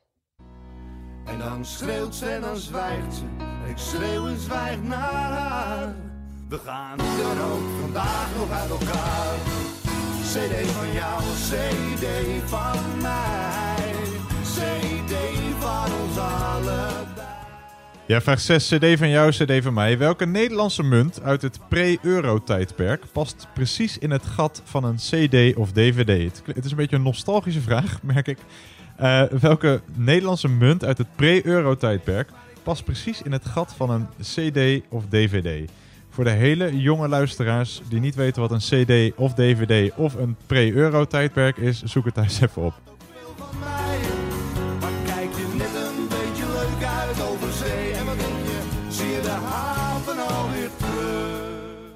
Dus welke munt uit het pre-euro-tijdperk past precies in het gat van een CD of DVD? We gaan naar eh, vraag nummer 7.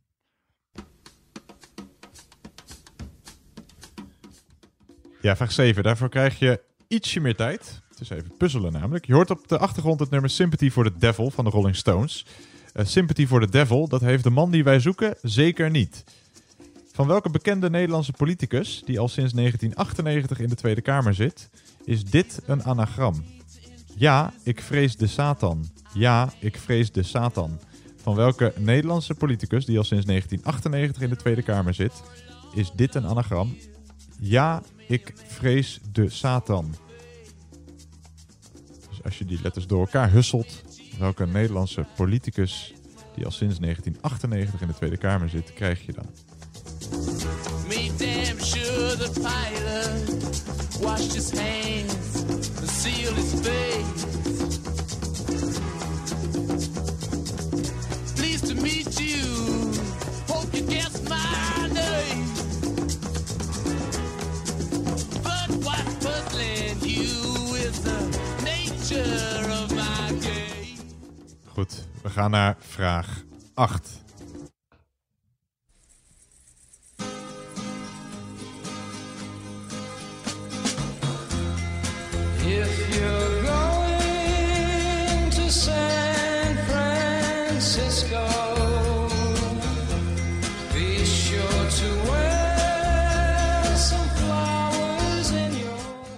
Ja, vraag 8. Wat is zowel de bijnaam van de Amerikaanse acteur Dwayne Johnson als de bijnaam van het voormalige gevangeniseiland Alcatraz in San Francisco? Dus wat is zowel de bijnaam van de Amerikaanse acteur Dwayne Johnson als de bijnaam van het voormalige gevangeniseiland Alcatraz in San Francisco?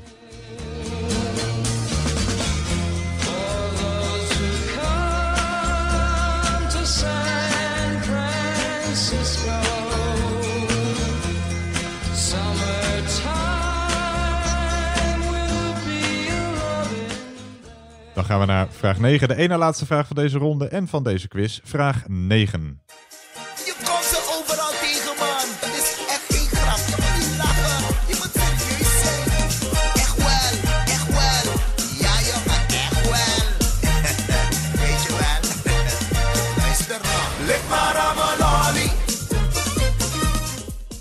Ja, vraag 9. Welke groente-emoticon staat in app- en sms-taal symbool voor het mannelijk geslachtsdeel?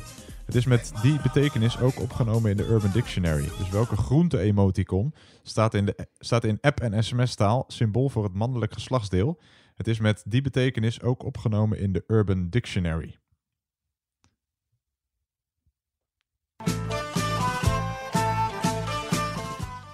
Ja, we horen op de achtergrond alweer eh, bots met wat zullen we drinken zeven dagen lang. Dat betekent dat we zijn toegekomen aan de laatste vraag van deze thuispubquiz. De drankvraag. De drankvraag, inderdaad.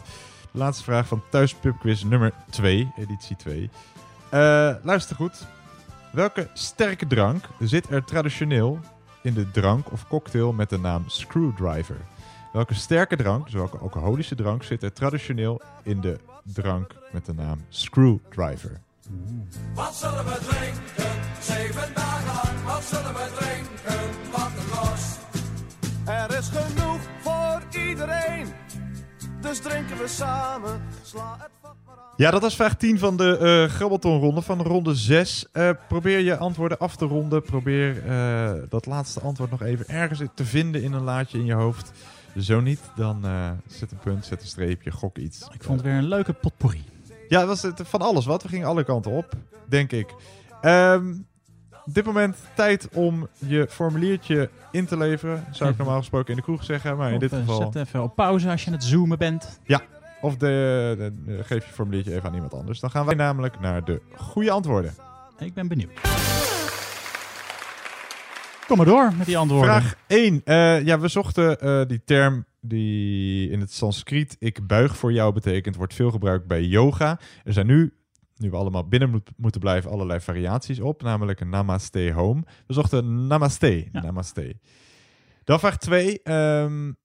op welk waddeneiland vind je de jongere campings Terpstra en Appelhof? Ik ben er helaas Ik ook ooit net- geweest. Ja, ik wilde het net vragen. Ben je er geweest? Ik ben helaas ooit op de Appelhof geweest. Op en dat was de zwaar... Nee, op Terschelling. Is het op Terschelling? Het Ik dacht dat het op Texel was. Nee, het is op Terschelling en ik zou het iedereen afraden. Het is de meest verschrikkelijke week uit mijn leven geweest. Echt? Ja. Is het zo erg? Ja, het was niet leuk. Oh. Eh, dan vraag drie. Eh, welk land won het Songfestival het vaakst? Namelijk liefst zeven keer. Ik denk dat ik die wel weet. Is het Ierland? Het is Ierland inderdaad. Ehm, in 1970, 1980, 87, 92, 93, 94 en 96. Welk land staat tweede met zes overwinningen? Hmm, waar komt ABBA ook alweer Ja, vandaan? precies. Zweden is het goede antwoord. Ja, Zweden heeft zes keer gewonnen en staat daarmee tweede. Waar staan wij? Wij staan gedeelde derde. Oh. Met, met volgens mij nog zes landen. Best wel Volgens mij- keurig. Volgens mij hebben we hem vijf keer gewonnen, omdat je vroeger ook met eh, meerdere landen kon winnen. Ah. Dus ik kan mezelf alleen nog Duncan Lawrence en het nummer wat we wel lieten horen, Teach In, herinneren. Maar eh, er zijn, we hebben vaker gewonnen. Corrie Brokken heeft gewonnen, geloof ik. Nou, en, en zo nog twee andere. Oké. Eh, vraag 4. Abraham Kuyper richtte eh, de eerste Nederlandse politieke partij op. Dat was Mhm. de ARP. Dat stond voor Anti-Revolutionaire Partij. Dat was de allereerste politieke partij in Nederland. De ARP, de Anti-Revolutionaire Partij. Dat was door, door, door, door een stel pluszitters, was die denk ik opgericht. Dat denk ik, ja. Toch? Die wilden niet dat die revolutie kwam. Nee, nee, die zaten nee. daar net lekker. Nee, dat is denk ik de reden waarom die is opgezet, ja. Er zit ook nog een voorloper. Ja, dat is een voorloper van eh, het CDA. Oké. Er zijn allerlei Ja, verschillende partijen zijn, zijn samengegaan in het CDA. Ehm, vraag 5. Ja, we lieten R&B horen met Spring. Dat is mijn, eh, mijn favoriete hitje is dat. Ja, het is wel Echt lekker opzwepend. ja. All-time favorite. Ehm, printemps is dus Frans voor lente. Frühling is eh, Duits voor lente. Spring, Engels voor lente. Spaans en Italiaans voor lente is... Eh, Hawaii. Nee, Primavera. Oh, ik dacht dat er een pizza naar vernoemd werd. Dat het Misschien Hawaii is er her en der cal- cal- calzone gegokt. Nee, sommige pizzeria's hebben de pizza Primavera op hun kaart staan. En Primavera Maar dat wist ik eigenlijk nu is dus... zegt. Ja, het is een ojaatje, denk ik. Dan vraag 6, dus een vrij nostalgische vraag. Want cd's en dvd's zijn al vrij nostalgisch. Ja. Laat staan het pre-euro-tijdperk. Eh, dat is natuurlijk het gulden tijdperk. En welke munt uit het gulden tijdperk past precies in het gat van een cd of dvd? Een duppie? Ja, een dubbeltje is het goede antwoord. Een Ja. dubbeltje. Is de, zou dat komen omdat het CD is natuurlijk uitgevonden door Philips in Nederland? Zou, die gewoon, zou daar gewoon een of ander eh, iemand hebben bedacht? Nou, dat gat in het midden maken we zo groot als een dubbeltje. Nou, klopt. De ontwerper legde het eh, dubbeltje naar eigen zeggen als voorbeeld op tafel. En dacht toen, ja, dit moet de, de, het midden van de cd worden. Ja, dit dus volgens hem was het de snelste beslissing in de ontwikkelingsfase. Hij, legde, eh, hij zegt, ik legde een dubbeltje op tafel en dat werd de maat. Nou, Dus er is helemaal niet lang over nagedacht. Er zit eh, niet een enorme theorie achter, maar gewoon iemand legde... Het had ook een kwartje kunnen zijn, maar het was Ja. een dubbeltje. te grappig. Ja, dan vraag 7. Ja, een vrij ironische ehm, anagram. Eh, ja, ik vrees de Satan. Ja. Het is waarschijnlijk ook de politicus in de Tweede Kamer die de Satan ook het meest vreest. Het is namelijk Kees van der Staaij. Ah, kijk. De man van de SGP natuurlijk. Ja, ik vrees de Satan. Dat er mensen zijn dus bezig geweest met deze anagram maken. Dat vind ik ja, toch wel weer... ja eh, dat, dat ben, je, ben je toch dankbaar Of ben jij voor. dat? Nee, nee, ik was het niet in dit geval. Ik, eh, volgens mij kwam ik het op Twitter tegen Ah. bij... waarom weet ik dit? Dus bij deze de ere wie ere toekomt. Dan vraag 8. wat is zowel de bijnaam van de acteur Dwayne Johnson... als de bijnaam van het voormalige gevangeniseiland Alcatraz in San Francisco? Ehm Alcatraz ligt op een rotseiland en werd dus al snel The Rock genoemd. Er is ook een film, The Rock, uit 1996, die zich grotendeels afspeelt op het eiland. En Dwayne Johnson wordt ook vaak Dwayne The Rock Johnson genoemd. Kortom, The Rock. Komt nog uit zijn worsteltijdperk. Is het zo, ja? Ja, hij, hij was eigenlijk een eh, WWF, of hoe dat tegenwoordig ook heet, WWCW zo, was die oorspronkelijk. En toen is hij eh, de filmwereld ingestapt. Kijk, kijk, ja, het is een enorm eh. Talent. Ja. Dat, Dat is, wat je, dat is het woord wat je zocht, toch? Ja, precies het woord wat ik zocht. Dan vraag 9. De groente-emoticon die in app- en sms-taal symbool staat voor het mannelijk geslachtsdeel. Ja, daar kun je van alles invullen. Maar niet alles is opgenomen in de Urban Dictionary. Dus het enige antwoord wat wij goed gaan rekenen is de aubergine. De aubergine. Ik denk wel dat veel mensen die goed Dat denk ik ook. Ja, een asperge lijkt er misschien... eh, Meer op? Ja. Ja, goed. Dat mag je zelf bepalen thuis. Eh, de laatste vraag. Eh, welke drank zit traditioneel in de drank of cocktail met de naam Screwdriver? Het is een mengsel van wodka en vers geperst sinaasappelsap. Het is eigenlijk niet een echte cocktail, dus daarom zei ik ook drank slash cocktail. Omdat eh, voor een officiële cocktail moeten er drie ingrediënten gebruikt worden. Dan mag het pas een cocktail genoemd Dus worden. het is een long drink, is het? Ja, dat is, een, dat is inderdaad het goede woord. Dus, en zo ergens in de jaren 40 voegden Amerikaanse oliearbeiders in de Perzische Golf stiekem wodka toe aan hun sinaasappelsap tijdens het werk. En omdat ze geen lepel bij zich hadden, gebruikten ze hun schroevendraaier om te roeren. Oh, grappig. En daar komt de naam vandaan. Ehm, hiermee komt het einde aan eh, de Thuispubquiz 2. De tweede editie van de Thuispubquiz. De pubquiz voor in de kroeg, maar dan thuis. Eh, tel je punten bij elkaar op. En eh, bekijk wie de winnaar is. Ja, het team met de meeste, of de persoon met de meeste punten wint natuurlijk.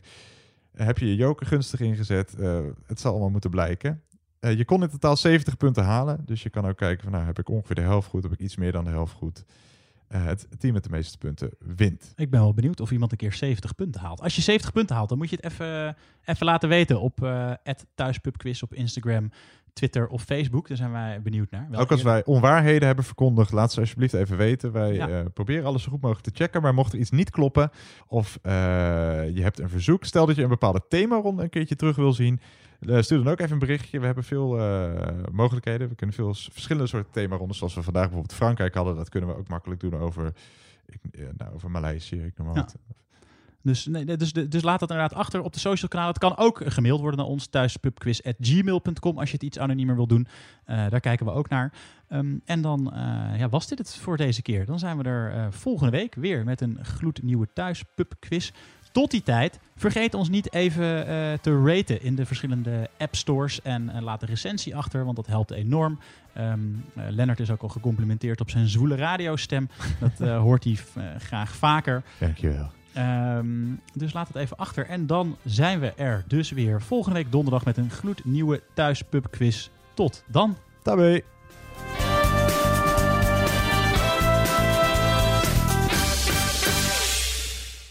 Deze thuispubquiz podcast wordt u aangeboden door... Sander van 1004 Podcasting. En Lennart van LL Quiz. Ronald Gibbert hier. Heb je het al gehoord? Fluister is het gloednieuwe Nederlandse audioplatform met duizenden unieke e-books, luisterboeken en podcasts van eigen bodem. Bekende auteurs en journalisten delen hier hun favoriete lijstjes en tips, zodat je altijd jouw nieuwe verhaal vindt. Ga naar fluister.nl.